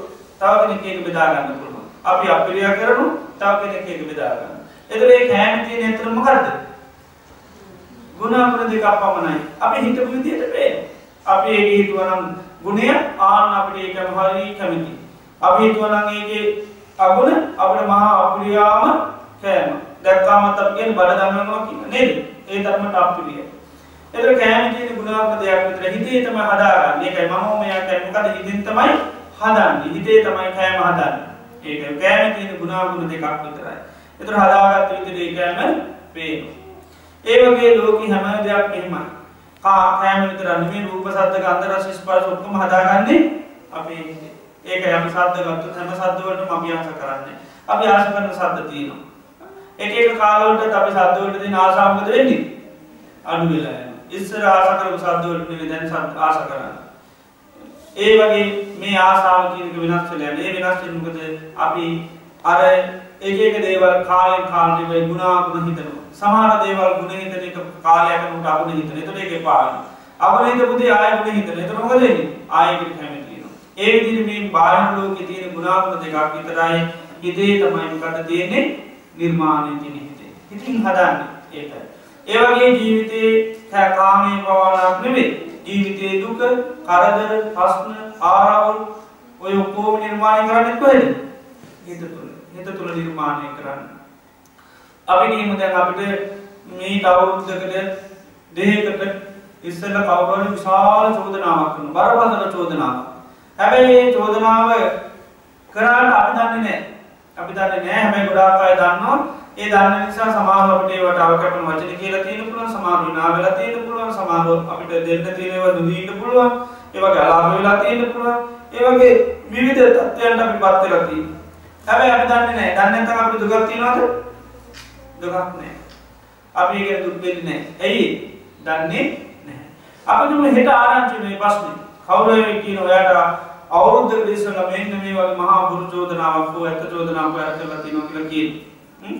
එතකොට මොකද වෙන්නේ? හෙට ඉඳලා හිතන්න පටන් ගන්නවා. ආන් හිතන්න පටන් ගත්තාම දුක තියෙන්නේ. දැන් දුක ඇතිලා කොයි කාලෙද? අවුරුද්දක් වෙන හැබැයි තමන්ගේ දුක බවට පත් වෙන්නේ කොයි වෙලේ? හිතන වෙලාවේ. දුක ඉවිල්ලා ඇති වෙලා නම් දැන් අවුරුද්දක වෙනවා. තමන්ගේ දුක බවට පරිවර්තනය වෙන්නේ කොතන ඉඳලාද? හිතන මොහොතේ ඉඳලා. හිතන මොහොතේ ඉඳලා මහා දුක. ඒතකොට මොකද වෙන්නේ?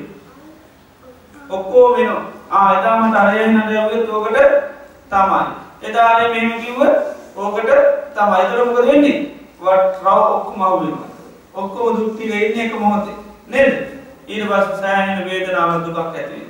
ආනක මෙච්චර කාලයක් මට කවුරුත් මේක කිව්වේ නැහැ. දැන් ඒක අහගන්න තාතාවක් දෙවිලා තියෙනවා. නේද? ආනක. ඉතින් ඒ දුක දැන් කල්ලාතුව ලබා ගන්නත් කරන්නත් දෙවිලා තියෙනවා. ඉතින් ඒ විදිහ ගත්තාම හිතේ නිර්මාණය තියෙන. ඒතර දුක ඇති වෙලා ප්‍රශ්න ඇති වෙලා ගොඩාක් කල් අපේ ප්‍රශ්න බවටපත් වෙන්නේ අපි හිතන මොහොතේ ඉඳලා. අපි කියමු හිතේ ප්‍රශ්න කියනකොට අපිට ඒ වෙලේ විශාල දුකක් තියෙනවා. ඒක ගණන් ගන්නේද? නෑ අපි කියමු මේ කියනකොට අපිට පිළිකාවක් වගේ රෝගයක් තියෙනවා. දැන් ඔය හිතන්න වෙලා තියෙනවද ඒක? ඈ ඒක මොන චෝදනාවක් වුණත් වැඩක් නැහැ. ඒ නිසා ඒ හිතන්නේ මොකක් ගැනද? ලෙඩේ ගැන හිතන වැඩි දුක් ගැන හිතන්න යන්නේ කතා කරන්න යන්නේ නැහැ. ඒක මොකද ඒ තරම් ප්‍රශ්න උග්‍රයි තමන්ගේ තියෙන්නේ. අර ලොකු ප්‍රශ්නයක් නෙවෙයි. අපි මොන අසනීප හොඳ වුණා. අසනීප හොඳනකොට මේක යාන්තම් ගන්න හිතේ තිබ්බොත් මොකද වෙන්නේ?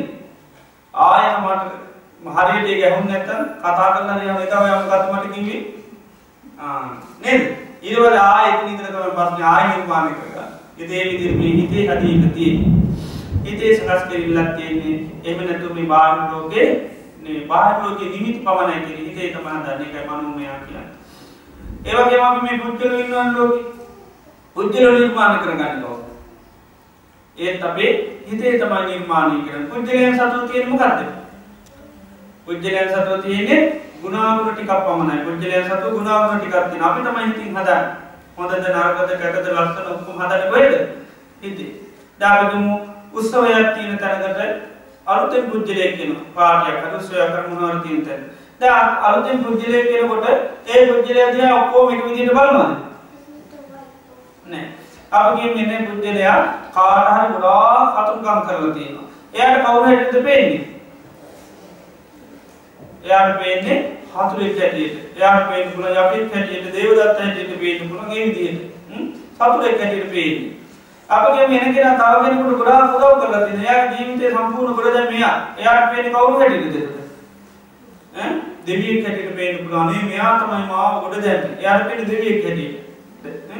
ඊළඟට එන කෙනා අපි කියමු දරුණු රෝගයක් තියෙනවා පිළිකාවක් වැනි. එයාට බෙහෙත් කරන දොස්තර ඉන්නවා. දොස්තරට කවුරු හැටියද පේන්නේ? ලෙඩෙක් හැටියට පේනවා. එයාට පේන්නේ ලෙඩෙක් හැටියට. එන කෙනා එක එක්කෙනාගේ අපි කියමු කීප දෙනෙක් ඥාතියෙක්. එතකොට එයාට ඒ ඥාතිත්වය අනුව තමයි එයා පේන්නේ. එතකොට එන කෙනාගේ යම් යම් දේවල් දන්නවා නම් කටේ ඒ අයම තමයි එයා පේන්නේ. එන කෙනා ලස්සන කෙනෙක් නම් එතන කෙනෙකුට සමාජයේ කුජල පිළිබඳව ආසාවක් ඇති වෙන්න පුළුවන්. මේ වගේ ලස්සන කෙනෙක් නම් දැකලා නැහැ කියලා හිතන්න පුළුවන්. එයාට පේන රූපේ ලස්සන එතකොට.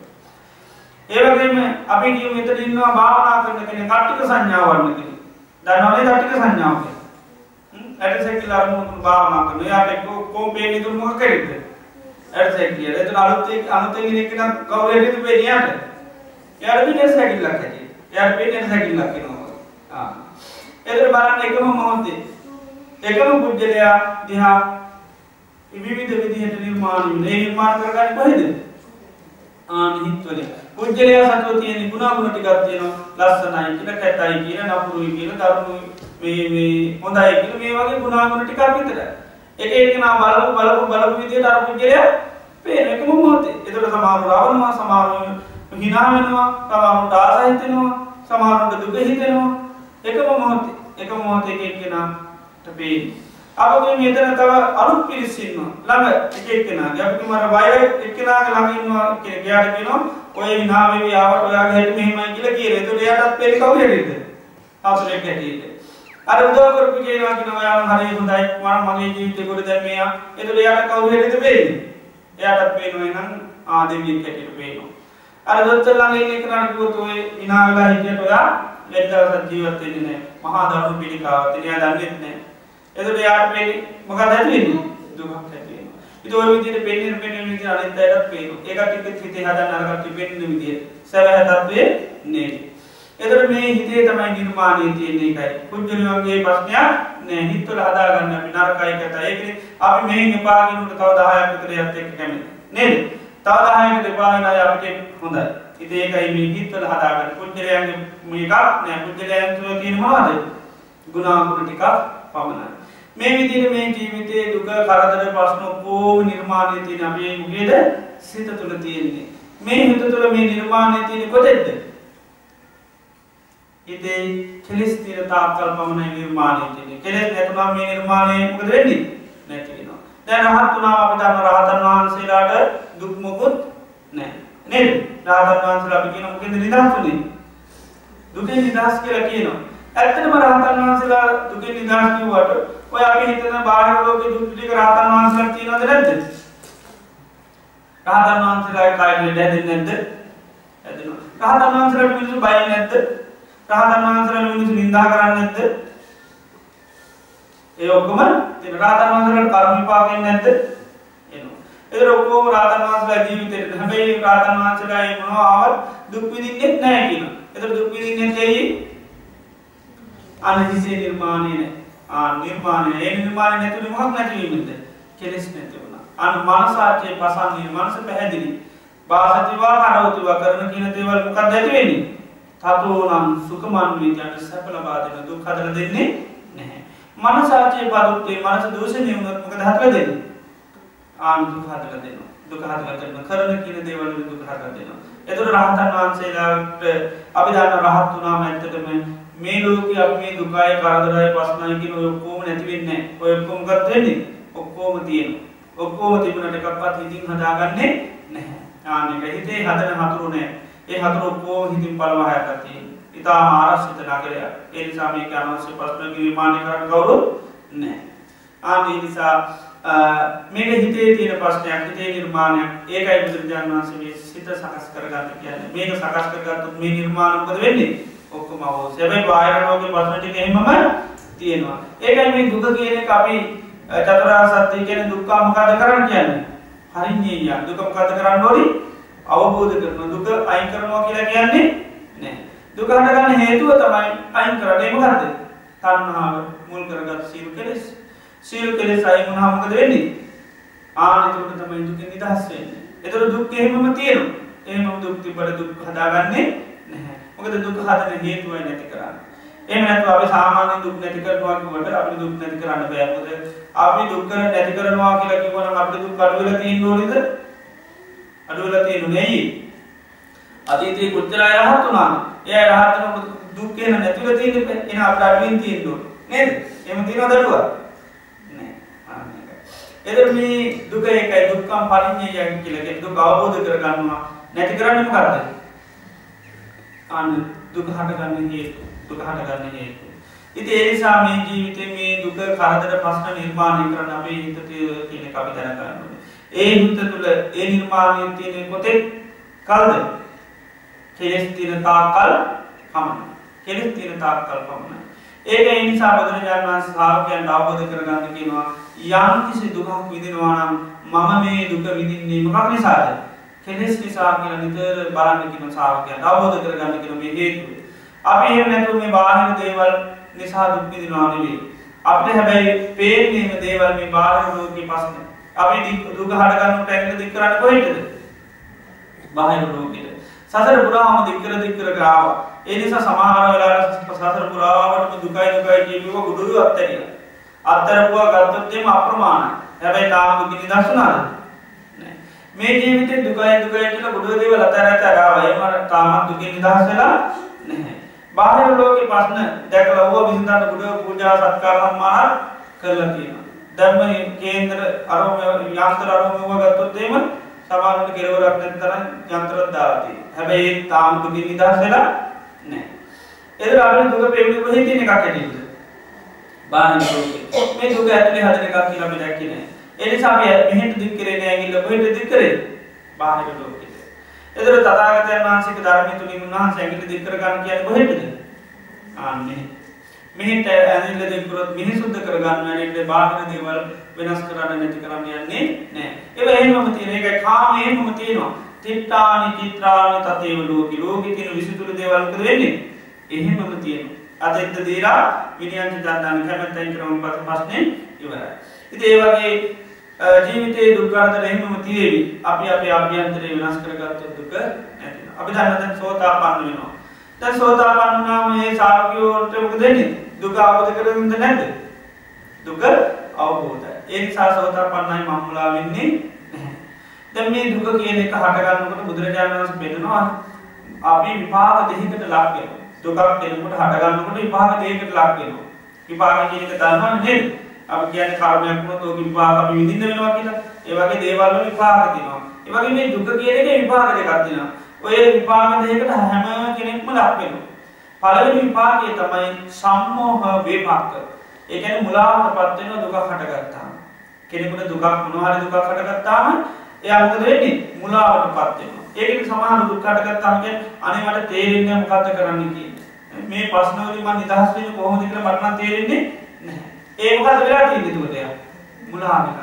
එයා දන්නේ හේතුව කොහොමද ගැලවෙන්නේ කොහොමද නිදහස් වෙන්නේ ඔය මොකක්වත් තේරෙන්නේ ඒකට කියන සම්මෝහ වේපක්ක මුලාවටපත් වෙනවා ඒක හැම කෙනෙකුටම තියෙන ස්වභාවය දුක හටගත්තාම කෙනෙක් හරි අසරණයි ඊළඟට තියෙන විපාකය මොකද්ද පරියටිත වේපක්ක කියන්නේ බහැරින් පිළිසරණක්. දැන් තමන්ට තේරෙන්නේ නැහැ ඊට පස්සේ මොකද වෙන්නේ?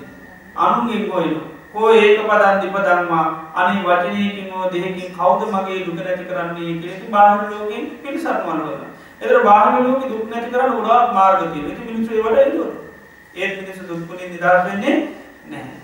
හේතුව නිගටති මාර්ගකින් බොහෝදුරට ඇති.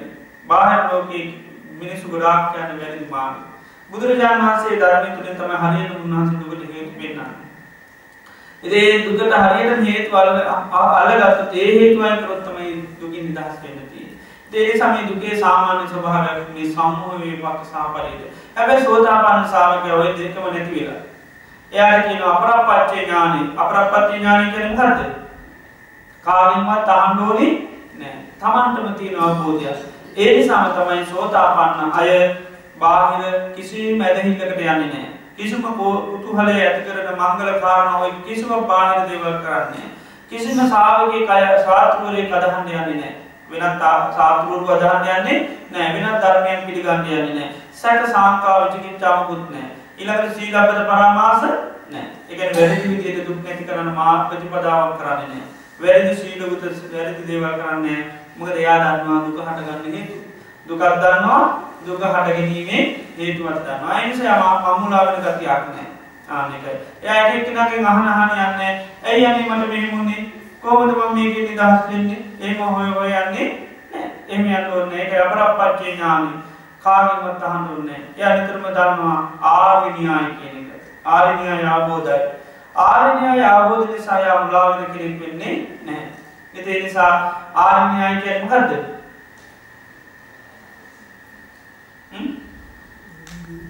ආරණ්‍යය කැනේ පටිච සම්පාදය අවබෝධ ආර න්‍යායට කරුණු හතරක් පෙන්න්නවා. ඒ තමයි ඉමස්මින් සති ඉදංගෝති මේ ඇතිකල්ලි මේ වේ. ඉමස්ස උපාද මේ ඉපදුනුත් මේ උපතිනවා. ඉමස්මින් අසති මේ නැත්තම් මේ ඉමස්ස නිරෝධා මේ නිරුද්ධවීමෙන් මේ නිරුද්ධ වෙනවා. මේ විදියට මේ ආර්ය න්‍යාය කියනක සෝතාපන්න කෙනාට අවබෝධයි. හැම දෙයක් පිළිබඳව. මොනාරේ දෙයක් හටගත්තොත් දන්නවා මේක තිබුණොත් මේක තියෙනවා. මේක ඉපදුනොත් තමයි මේක උපදින්නේ. මේක නැතිවීම මේක නැති වෙනවා. මේක නිරුද්ධ වීම මේක නිරුද්ධ වෙලා යනවා. නූපදිනොත් උපදින්නේ. මේක උපදින්නේ නැත්නම් මේක උපදින්නේ නැහැ. මේ විදිහට ආර්ය න්‍යාය හොඳට අවබෝධය සෝතාපන්නයි. ඒ නිසා තමයි කට මුලා වෙන්නේ නැත්තේ. ඒ නිසා මේ ආර්ය න්‍යාය කියන එක අපේ ජීවිතේට අවබෝධ කරගන්න ඕනේ. යම් ප්‍රමාණයකට හෝ දැනගෙන ඉන්න ඕනේ. අපේ දුක යම් ප්‍රමාණයකට හේතු හරි අපි අල්ලගෙන ගියොත් අපිට ලොකු දෙයක් මේ ජීවිතේ. අපි කියමු අපිට ලෙඩක් තියෙනවා. අපිට ලෙඩේ හේතු හරි අල්ලගත්තොත් ලොකු දෙයක් නේ. නැත්තම් මොකද වෙන්නේ? මුළු ලෝක පුරාම ඇවිදින්න වෙනවා දොස්තරලා ගා හොස්පිටල් ගාන යන්න නැහැ. ලෙඩේ මොකක්ද කියලා දන්නේ නැහැ. ලෙඩේට හේතුව දන්නේ නැහැ. ඉතින් ඒ නිසා හොය හොය හොය යන්නේ හැමදාම. හැබැයි ලෙඩේ හේතු දැනගත්තොත් චුට්ට චුට්ට හරි බෙහෙත් කර කර දානවා මේකයි අයින් කරන්න ඕනේ මේකයි අයින් කරගත්තොත් මම ලෙඩෙන් නිදහස්. අන්න හේතු හඳුනාගත්ත ලොකු දෙයක්. ඒ වගේ තමයි අපිට අපි ප්‍රධාන හේතුක දැනගන්න ඇයි අපි මේ දුක් විඳින්නේ කියලා. ආන්න ඒක අවබෝධ කරගත්තත් ලොකු දෙයක්. එතන බුදුරජාණන් වහන්සේ පෙන්නනවා මේ දුක හටගන්න හේතුව මොකද්ද? කෙලෙස්. උන්වහන්සේ පෙන්නනවා මේ තණ්හාව මුල් කරගත් කෙලෙස්. රාග දේශ මෝහ මාන ඊර්ෂ්‍යා මහංකාරකම් ආදී මහා කෙලෙස් කොටත් ඔය කෙලෙස් නිසා කියනවා. සම්මාසල සූත්‍රය කියලා කෙනෙක් කියනවා උපදි නිදහනං උපදි සමුදයං උපදි ජාති උපදි ප්‍රභවං උපදි හේතු කොටගෙන උපදි මුල් කරගෙන උපදි හට ගැනීමේ උපදි ඉපදීමෙන් තමයි මේ ජරා මරණ ශෝක පරිදේව දුක්ඛ දෝමන සුපායාස නානාවිද නානාපකාර දුක් මනුෂ්‍යයන් හටගන්න. එතන මේ උපදි යම්තා තියෙනවාද ඒ තාක්කල් කර තියෙන්නේ. උපදි නැත්තම් නෑ. ඒක රහත් වුණාම රහතන් වහන්සේලා දුක් තියෙනවද? නෑ. දුක් නිමිති තියෙනවා නමුත් දුක් නෑ. ඒ නැතුනේ මොකක් නැතිවීමෙන්ද? අන්න කේස් නැති. ඒ නිසා අපිට දුක ජීවිතේට හටගන්නකොට සිහිය පිටව ගන්න කියන මට තියෙන කායික දුකක්ද මානසික දුකක්ද මොකක්ද මේ දුක? දැන් Tamanට පුළුවන් බලන්න. මොකක්ද මට තියෙන දුක? කායික දුකද මානසික දුකද? දෙතර පේන මේක කායික දුකද මානසික දුකද? ඊට පස්සේ බලන්න ඇයි මට මේ දුක හටගත්තේ? අන්න මගේ හිතේ තියෙන කෙලෙස් නිසා. මේ කෙලෙස් යම් තාක් තියෙනවා ඒ තාක්කල් මම දුක් විඳිනවා. මගේ කෙලෙස් හෙට නැති වෙනවා. එතන මොකද වෙන්නේ? දුක් නැහැ. ආන්න හෙට කෙලෙස් නැතුනොත් දුක් නැහැ. එහෙනම් මේ කෙලෙස් තියෙන තාක්කල් තියෙන ප්‍රශ්නය කෙලෙස් නැතුනොත් මට මේ දුක නැහැ. එතකොට මහන්සි ගන්න මොකක්ද නැති කරන්නේ? කෙලෙස් නැති කරගන්න. කෙලෙස් අඩු කරගන්න. ආන්න තුන් බලන්න. ඒතර බාහිර ලෝකේ දේවල් විසඳන්න යන්නේ නැහැ. බාහිර දේවල් එයිම මුදින මොකද ඒක නෙමෙයි ප්‍රශ්නේ මොකද ප්‍රශ්නේ? මොකද බාහිර දේවල් තියෙන හින්දා නැති හින්දා දුක් විඳිනවා නෙවෙයි අපිට හිතන හැබැයි ඒක කියලා. දැන් සමහරව හිතනවා සමහරුන්ට දුක තියෙන්නේ මොකද්ද? සමහරුන්ගේ ජීවිතේ විවාහ වෙන්න බැරි වෙනවා. ඒ නිසා එයා හිතනවා අනේ මට විවාහ වෙන්න බැරි වුණා. ඉතින් එයාගේ දුක මොකද්ද? විවාහ වෙච්ච නැති. සමහරුන්ගේ දුක මොකද්ද? විවාහ වෙච්ච එක සමහරුන්ට දුකයි. සමහරුන්ගේ අපරාධ බැරි දන්නවනම් වදින්නේ නෑ මහානකම. එතකොට බැරි දෙක දුකද නැද්ද? සමාන අයට දුක කවුද? දරුවෝනේ. ඒ නිසා දුක් විඳින අය ඉන්නවද නැද්ද? ඉන්නවා. සමානුන්ට දුක? දරුවෝ ලැබුණ දරුවෝ හරි හේතුවක්කාර දරුවෝ දාලා ගිහිල්ලා දරුවෝ අමනාප වෙලා ඒ නිසා දුක් විඳින අය ඔය දරුවෝ ලැබුවට වැඩි හොඳ පොල් පිටකින් කපා ගත්තා නම් කියලා කියනවා නේද? එතකොට දරුවෝ දුකක් වෙනවා සමාන වෙලාවට නේද? දරුවෝ නිසා දුක් විඳින අය ඉන්නවා. සමහර අයට දුක දරුවන්ට හරියට උගුල කියාගන්න බැරි වුණා, කන්න බොන්න දෙන්න බැරි වුණා. ඕක ගැන දුක් වෙනවනේ අපේ දරුවන්ට අපි කරගන්න බැරි වුණා. සමහර අම්මලා දුක් වෙන මොකෙද? අපේ දරුවන්ට සැප පහසුකම් වැඩි වුණා. සැප වැඩි වුණා ඒ නිසා දුක් කරනවා. ආනේ සැප වැඩි වුණා දරුවන්ට. ඒ නිසා දුක් වෙන අය ඉන්නවා. සමහර අයගේ දරුවෝ ධර්මයට එන්නේ අම්මා තාත්තලාගේ. ඒ නිසා දුක් වෙනවද නැද්ද? දුක් වෙනවා. අම්මා තාත්තා ගාන්න දැන් දරුවෝ එන්නේ නැහැ. අම්මා තාත්තලා ඉගෙන මේක තමයි ලොකුම දායාද. දැන් දෙන්න ඕනි දරුවන්ට. දෙන්න පුළුවන්ද? එන්නේ නැහැ. දරුවෙන් එන්නේ නැහැ. ඒක දුකයි. සමහර අම්මලාට තියෙන දුක මොකක්ද? දරුවෝ ධර්මයට වැඩි. සමහර මානෙන් ධර්ම. එතකොට දුකයි. එතකොට දුක් වෙන අම්මලා ඉන්නවා. සමහර කියනවා දෙන්නෙම නැහැ මානෙ. සමහර කියනවා මාමත් මම්ම පාපන. ඉතින් ඒ වගේ ඉන්න අම්මලා ඉන්නවා ලෝකේ. එතකොට අම්මලා දුක මොකද්ද? දරුවෝ මහාන වෙන්න හදන එක. ධර්මයට දැන් ගිහිල්ලා ධර්මයේ අවබෝධ වෙලා වැඩි. ඒකත් දුකක්. ඉතින් ඒ වගේ ගත්තොත් එහෙම ලෝකේ දේවල් සමහර අයට තියෙන දේ සමහර දේවල් අයට ඒකම නැති නිසා දුක් විඳින. ඒ නිසා මේ දේවල් තියෙන ඉඳ නැති ඉඳ දුක් විඳිනවා නෙවෙයි. ඉතින් අපි කියමු මෙහෙම දේවල් තියෙන නැති අය රහත් වෙනවා. ඒතර ඔය ප්‍රශ්නයක් තියෙනවද? විවාහ වෙච්ච නැති කෙනා රහත් වෙනවා. ඒතර ප්‍රශ්නයක් විවාහ වෙන්නේ නැති එක නෑ. ඊළඟ විවාහ වෙච්ච මාන්නව රහත් වෙනවා. එයාට ප්‍රශ්නයක්ද? ඉතින් ඔය වගේ ගත්තොත් එහෙම ඔය තියෙන දේවල් තියෙන හින්දා හෝ නැති හින්දා දුක් විඳිනවා නෙවෙයි මොකක් නිසාද අපේ කෙලෙස් නිසා කෙලෙස් තියෙන නිසා ප්‍රශ්නයක් දේවල් තියෙන හින්දා නැති හින්දා තියෙන ප්‍රශ්නයක් නෙවෙයි ඒ නිසා මේක හොඳට අපි ආවද කරගත්තොත් අපිට ලොකු දෙයක් වෙනවා ඒ නිසා බුදුරජාණන් වහන්සේ බලන්න කියන නිතරම දුක් විඳින මොකක් නිසාද කෙලෙස් නිසා කෙලෙස් යම් තාක් තියෙද ඒ තාක්කල් දුක් විඳින කෙලෙස් නැත්තම් මොකද වෙන්නේ දුක නැහැ ඒකයි ඉමස්මින් සති මොකද ඉමස්මින් සති කියන්නේ මේ කෙලෙස් ඇති කල්ලි මේ ජරා මරණ දුක් වේ. ඉමස්මින් සති ඉදම්මු ඉදම්මු කියන්නේ මොකද? මේ ජරා මරණ දුක් වේ. ඉමස් උප්පාද මේ කෙලෙස් ඉපදුනොත් මොකද වෙන්නේ? මේ ජරා මරණ දුක් උපදී. ඉමස්මින් අසති මේ කෙලෙස් නැත්තම් මොකද වෙන්නේ? මේ ජරා මරණ දුක් නැහැ. ඉමස් නිරෝධ මේ කෙලෙස් යම් දවසක නිරුද්ධ වුණොත් මොකද වෙන්නේ? මේ ජරා මරණ දුක් ඔක්කොම නිරුද්ධ වෙලා යනවා. ආන්න ජරා මරණ දුක් කියන දුක් දෙන අපි එකක්ව බාරගන්නේ එතකොට ආන්න ඒක අපිට මේ පින්නතුන් යන්නේ ඉතින් ගම මොකක් බලන්න පුළුවන් ටික ටික හරි. දැන් භාවනා කරන්න කිව්වොත් කට්ටිය ගොඩාක් කියන්නේ මොකද්ද? මොකද නැත්තේ? කාලේ නැහැ වේලාව. මොකද මේ හතරෙන් වාරයක් කොහොමද කිව්වේ ගමන් මොකද කියන්නේ? කාලේ නැහැ වේලාව. ඒ නිසා හැබැයි දැන් අපේ සාමාන්‍ය ජීවිතේ කාල වේලාව නේ කාල වේලාව නැතුණාට කයට කැම දෙන්න ඕනේ. දැන් මේ කෑම දෙන්න ඕනේ එක වේලාව නැහැ කියලා නතර කරනවාද? කොහොමද කරන්නේ? සමහරව යනින් එනින් ගමන් හරි කරනවා. සමහරව ඩ්‍රයිවිං කරන ගමන් උදේ කෑම කන්නේ. ඇයි? කාලයක් වෙලා නැහැ. එහෙම ඉන්න අය ඉන්නවා. ඒතර අවශ්‍යතාවය දන්නේ හින්දා යනින් එනින් ගමන් මොකද කරන්නේ? පොඩ පොඩ හරි කනවා. ඒක ඉඳගෙන කනවා වගේ සමහරවල් ගොඩාක් වෘතු දෙන එකක් නෙවෙයිද? පුළුවන්. ඉඳගෙන කනවා වගේ ලොක්කෑමක් කන්න සමහරට බැරි වෙන්න පුළුවන්. හැබැයි කොහොම හරි යැපෙන්න මොනවා හරි කන්න ඕනේ. නේද? ඒ නිසා කොහොම හරි කන්න.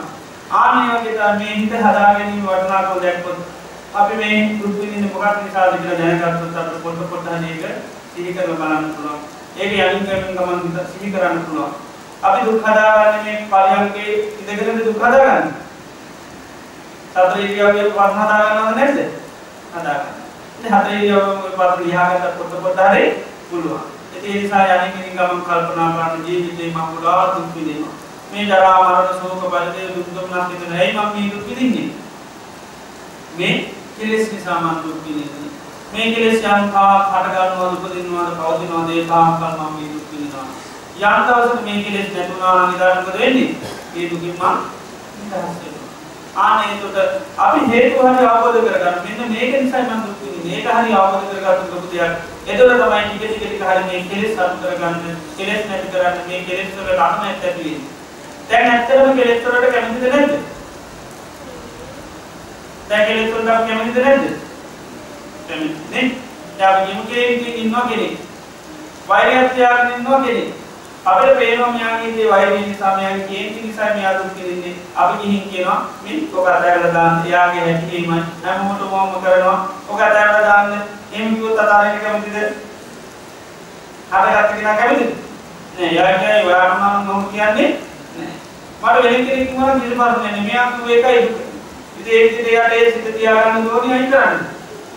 ඒක පවත් ගන්න. මේ කෙලෙස් පවත් ගන්න ඕනේ. එයා හිතන්නේ මම මගේ තියෙන මේ වෛරය තරහ මනාපම අයින් කරගත්ත මට මේ නිදහස් වෙන්න පුළුවන්. ඒක හිතන්නේ. අපි දන්නවා දැන් අඬාගෙන ඉන්නවා කියන්නේ. දැන් අඬාගෙන ඉන්න කෙනෙකුට අපි ඇත්තටම කැමති මොකද්ද? අඬාගෙන ඉන්න මිනිස්සු කැමති මොකේද? අඬන ඇහිම නතර කරනවාට කැමති අඬනවාට අඬ ඇහිම වැඩි කරනවාට කැමති. වැඩි කරනවා. ඈ ඊළ බදාගෙන යනකොට ගොඩාක් කැමති. ඊළ ගලක් වගේ ඉඳගෙන මොනවද කිව්වොත් ඒකට කැමති වෙන්නේ නෑ ඒ මොහොතේ කැමති නෑ ඒක. ඒ මොහොතේ කැමති එයාගේ දුක වැඩි වෙන විදිහට කතා කරනවා. අනාගත නාමොත් තමයි යන්නේ නැගීම් බර කෙනා. තමන්ගේ දුක තේරිච්ච කෙනා. විනාම යාවත් දරියලවත් හිතන්නේ මේ මගේ දුකට දැන් මෙයා පසු වෙනවා. එහෙම තමයි සමාධිය දෙන්නේ. ආදී. ඉතින් ඒකට ඒ නිසා සාමාන්‍ය සමාජයක ජාන මලගවල මොකක්ද යවන්නේ? මොකක්ද යවන්නේ මලගවල? සෝක පාරමිතද සෝක නොදීන්ද? සෝතපන්න අපේ බලවත් ලෝකේ අපේ බලවත් විශ්වෝකේ ඇයිත් කැමති කැමති වෙන්නේ නැහැ. ආන්නේ ඒතර ලෝකෙ කැමති කෙලෙස් වලට මිනිස්සු. කතා කරන්නේ තුත් අපි ගොඩාක් දේවල් තියෙනවා. දැන් කාලේ වෙලාව යන අපි එදේ කියන්නේ. නමුත් අපි තේරුම් ගන්න ඕනේ මේ කෙලෙස් වලට අපි හරි කැමති. ඒකේ තණ්හාව නිසා දුක් විඳින්නේ. ඒක මේ කෙලෙස් හැමදේම පවත්තන්න ඉන්න කැමති. කෙලෙස් අයින් කරන්න ලේසියෙන් ඉඳ දෙන්නේ නැහැ. ප්‍රශ්නයක් ගත්තොත් ප්‍රශ්නේ හිතේ පවත්තන්නයි කැමති ප්‍රශ්නේ අයින් කරන්න කැමති නැහැ. ඒක හිතේ තියෙන්න ඕනි. අඩුම ගානේ හිතේ වැරද්දක් ජීවිතේ වැරද්දක් වෙනවා. ඕකට මුකේද කැමති? ඕක අමතක කරන්නද කැමති? ඔය වැරද්ද හිතේ තියෙන්නද කැමති? ඈ? හිතේ හිතේ කීපාරක් අහන දහම් කණේ ආමුනේ මට මිනුමුණ එකේ පෞසිද්ධ වෙයි. ඈ? ඒ මානවද නේද? ආ. එතන අපි කැමති ඒවා පවත්තන්න. ඒවා අදාරින් හරි අකුනේ. ඒ නිසා මේ කෙලෙස් කියනව හැම දෙයකම හරිය කැමති. ඔය කැමති නිසා තමයි අපි දුක් විඳින්නේ. ඉතින් ඒවා අයින් කරොත් ඒවා බැහැර කරොත් ඒවා නිදහස් කරොත් පුළුවන්. ඒතර හතුරු ඉන්නේ කොහෙද? ඇතුළේමයි ඉන්නේ. ඒතර මේක හොඳ නගරයක් වුණාට දැන් වැඩක් නෑ නගරේ. දැන් මොකද වෙලා තියෙන්නේ? ආක්‍රමණය කරලා තියෙන්නේ. මේ හිත හොඳ නගරයක්. මේක මේක පිළිසුදු කරගත්තොත් තරම් සැපසේ ජීවත් වෙන්න තවත් තැනක් නැහැ.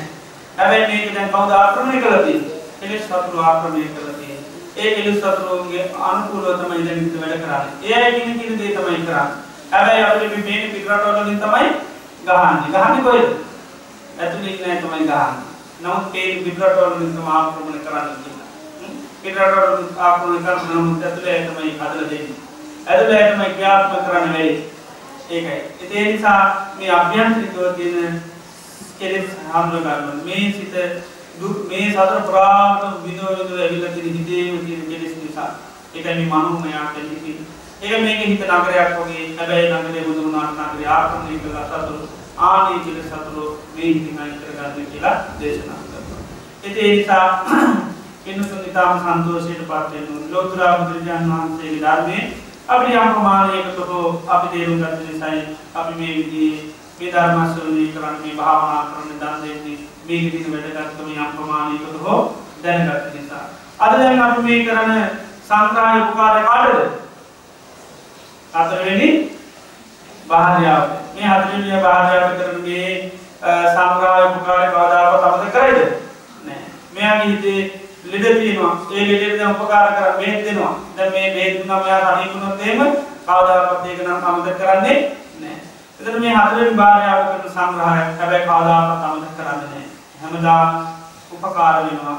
මේ අපි සංසාරේ ජීවත් වෙන තාක්කල් මේ හිතේ පිනක් රැස් කරගත්තොත් හිත හදාගත්තොත් ඔය හයිය ඔය ජාවේ ඔය සත්‍යය සර්පුරා පේනවා ජීවිත පැවැත්ම කියනකම්.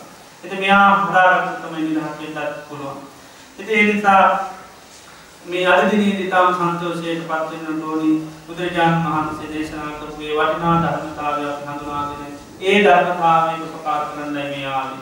මේ කාල පාරාසි වැඩ බහුලතිය ඇති රැකී රස්සාවලට දී ලෝව ඔය මහන්සි කොලේ අපි මේ ආවේ කරද අපි දන්නවා ජීවිතේ දැන් කළ යුතු දේ තමයි මේ හිත හදාගන්න ඕනේ. හිත පෝෂණය කරගන්න ඕනේ. හිතේ පිනක් රැස් කරගන්න. ඕක විතරයි ජීවිතේ පිටසන්. ඉතින් ඒ අවබෝධය නිසා තමයි ආවේ. නිසා තවදුරටත් මේ ධර්මයෙන් තුලින් අපිට තවත් මේ ස්ථාපිත කරගන්න පුළුවන් ජීවිතේ වටිනාකම මේ මනස මේක හදාගත්තොත් තමයි ජීවිතේ සැප තියෙන්නේ. මේක පිළිගන්නොත් ඔක්කොම අවසාන වෙනවා. ඔක්කොම ජීවිතේ ඉවරයි. ඉතින් ඒ නිසා අද දිනේ සන්තෝෂේ පත් වෙන්න ඕනේ විදිහේ වටිනා පින්කමක් මේ පින්න සෑම දිනාටම ඊටාම සද්ධාව ගෞරව වර්ති යුග සිද්ධ කරගන්න යෙදුණා. ලෝතර සම්මා සම්බුදුරජාණන් වහන්සේ ඊටාම අපේ ජීවිත සුවපත් කරන්න දේශනා කරපු වර්ණා ධර්ම අපි ශ්‍රද්ධා ගෞරව වර්ති යුග ශ්‍රවණය කරා ඒ වගේම සන්ධ්‍යා යාමේදී පිරිත් සජ්ජායනා කරා ලෝතර බුදුරජාණන් වහන්සේට අපි වන්දන මානාදිය කරා දැහැන් බෙහෙත් විලම්පත මල් පාන ආදී පූජා කරා. මේ තුලිනුත් අපේ චිත්ත සංතාන තුළ මහා වටිනා පුණ්‍ය ශක්තියක් අත්පත් වුණා. ඒ වගේම තථාගත ලෝතර බුදුරජාණන් වහන්සේ දේශනා කරපු ධර්මය අනුසවණය කරා ධර්ම දානමය පින්කම සිද්ධ කරගත් මේ සෑම ආකාරයකින්ම අපේ චිත සංතාන තුළ මහා වටනා පුුණ සත්‍යයක් අත්පත් කරගත්තා. ඒ මේ රැස් කරගත්තා උදාරතර පුුණ්‍ය ධර්මයෙන් මේ සේනාසිනි වැතින්නේ ගෞරණීය ආමුදුරන් වහන්සේ මදක්කපු ආකාරයට මේ පින්නතුම් බලාපොරොත්තුවෙනී චෛත්‍රාජයණන් වහන්සේ කරගන්න අපි මේ රැස් කරගත්තා වූ පින් පුුණ්‍ය සත්‍යයාන් බව බලෙන් ඉතා ඉක්මනින් නොබෝ කලකින්ම තදාගත ලෝතුරා බුදුරජාණන් වහන්සේ ධාතුන් වහන්සේලා තැන්පත් කරගත් සියලුම් චෛත්‍යරාජයන් වහන්සේ මේ පුණ්‍ය භූමිය තුල ඉදිරි කරගන්නේ හැම දිනාටම සත්‍ය ධෛර්ය වාසනාව ලැබේවා ප්‍රත්‍යාශිර්වාද. ඒ වගේම මේ රැස් කරගත් ආදාරතර පුණ්‍ය ධර්මයන් සීලෝම දෙවියන්ට මේ පින් අනුමෝදන් කරන සියලු දෙවියෝ මේ පින දැක අනුමෝදන් සතුවත් භාවයෙන් පත් වේවා ප්‍රාර්ථනීය බෝධියකින් සාන්තමාමානිවිදි සැනසේවා කියලා පින් අනුමෝදන් කරමු. ඒ වගේම අපි මේ රැස් කරගත් ආදාරතර පුණ්‍ය ධර්මයන් සියලුම නියමිය ඥාතීන් අනුමෝදන් කරමු. අති අතීත සංසාරයේ පටන් අද මේ දවස දක්වා අපි නම් මේ පරලෝකයේ සියලු ඥාතීන් මේ පින දැක අනුමෝදන්ව සැපවත් භාවයට පත් වේවා පාර්ථනීය බෝධියකින් සාන්තමාමා නිවිනි සැනසේවා කියලා පින් අනුමෝදන් කරමු. ඒ වගේ මේ රැස් කරගත් ආදාරතර පුණ්‍ය ධර්මයන් බව බලි බුදුපසේ බුදු මහරහතුන් වහන්සේලාගේ අනන්ත අභාමී සේනාසනයේ වැඩ සිටින්නේ ගෞරවනීය මේ ඥානස්ථානයේ වැඩ සිටින්නේ ගෞරවනීය සංඝරත්නයේ අපි සිද්ධ කරගත්තා උදාාරතර පුණ්‍ය ධර්මයන්ගේ අනුභව බලයෙන් උන්වහන්සේලාට සිතත් සාන්තියක් යහපත නිරෝගී සුවපත් භාව ලැබේවා. උන්වහන්සේලා මේ කරන උදාාර ශාසනික සේවාවන් තව තවත් දියුණු කරගෙන යන්න සාර්ථක කරගෙන සිද්ධ කරන්න තුන්වන් ගණන්ත ආශිර්වාද ලැබේවා. උන්වහන්සේලාට ප්‍රාර්ථනීය බෝධියකින් අමාමානීය සැනසීම පිණිස උපකාරී වේවා කියලා අපි ආශිර්වාද පවත්වනවා. ඒ වගේම මේ සදා සංවිධාන කටයුතු කරගත් පින්වත් සෑම දෙනාටමත් මේ සහභාගී වෙන මේ පින්වත් සෑම දෙනාටමත් මේ රැස් කරගත් අවදානතර පුණ්‍ය ධර්මයන් වා බලයෙන් උපසේ මහරහතුන් වහන්සේලාගේ අනන්තුරුණානුභාව බලයෙන් කල්යාණ මිත්‍රයන් වහන්සේලාගේ ආශිර්වාද බලයෙන් සෑම දෙනාටම සිතක් වේවා සාන්තියක් වේවා යහපතක් වේවා නිරුක් වේවා නිරෝගී වේවා සුවපත් වේවා. තව තව සම්බුද්ධ ශාසනය තුළ මෙවැනි දානාදී පින්කම් සීලාදී ගුණධර්ම සමතිපස්සනා භාවනාවන් දියුණු කරගන්න සත්‍ය ධෛර්ය වාසනාව චිර ජීවනයේ දීර්ඝායුෂ ලැබේවා කියලා ආශිර්වාද කරනවා. දෙවියන්ට ඥාතීන් පින් අනුමෝදන් කරමු. ඉදං හෝ ඥාතීනම් හෝතු සුඛිතා හුන්තු ඥාතයෝ ඉදංගෝ ඥාතිනම් හෝතු සකිතා හුන්තු ඥාතයෝ. ඉදම්මී ඥාතිනම් හෝතු සුගිතා හුන්තු ඥාතයෝ. යත්තාවතාච අම්මී සබ්බදම් පුඤ්ඤ සම්පදං. සබ්බේ දේවානුමෝදන්තු සබ්බ සම්පත්ති සිද්ධියා. යත්තාවතාච අම්මී සබ්බදම් සම්පදං සබ්බේ භූතානුමෝදන්තු සබ්බ සම්පත්ති සිද්ධියා. ඉමිනා පුඤ්ඤ කම්මේන මාමේ බාල සමාගමෝ. සතන් සමාගමෝ හෝතු යාව නිපානපත්තියා ඉදම් මේ පුඤ්ඤ කම්මං ආසවක්ඛයාං හෝතු. සබ්බ දුක්ඛා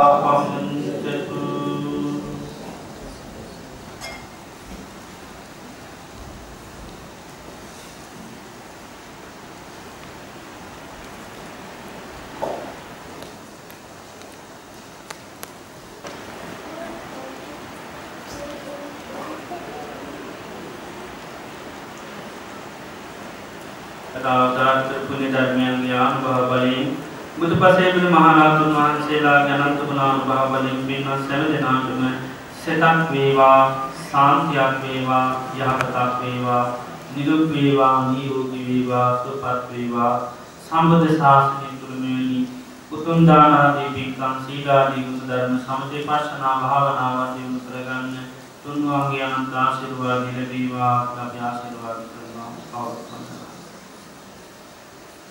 සබ්බීතියෝ විවංජන්තු සබ්බරෝගෝ විනස්සතු මාතේ භවත්වන්දරායු සුගීතිගායුකෝ බව භවතු සම්ග මංගලං රක්කන්තු සබ්බ දේවතා සබ්බ බුද්ධානුභාවේන සබ්බ ධම්මානුභාවේන සබ්බ සංඛානුභාවේන සදා සුද්ධි භවන්තු තේ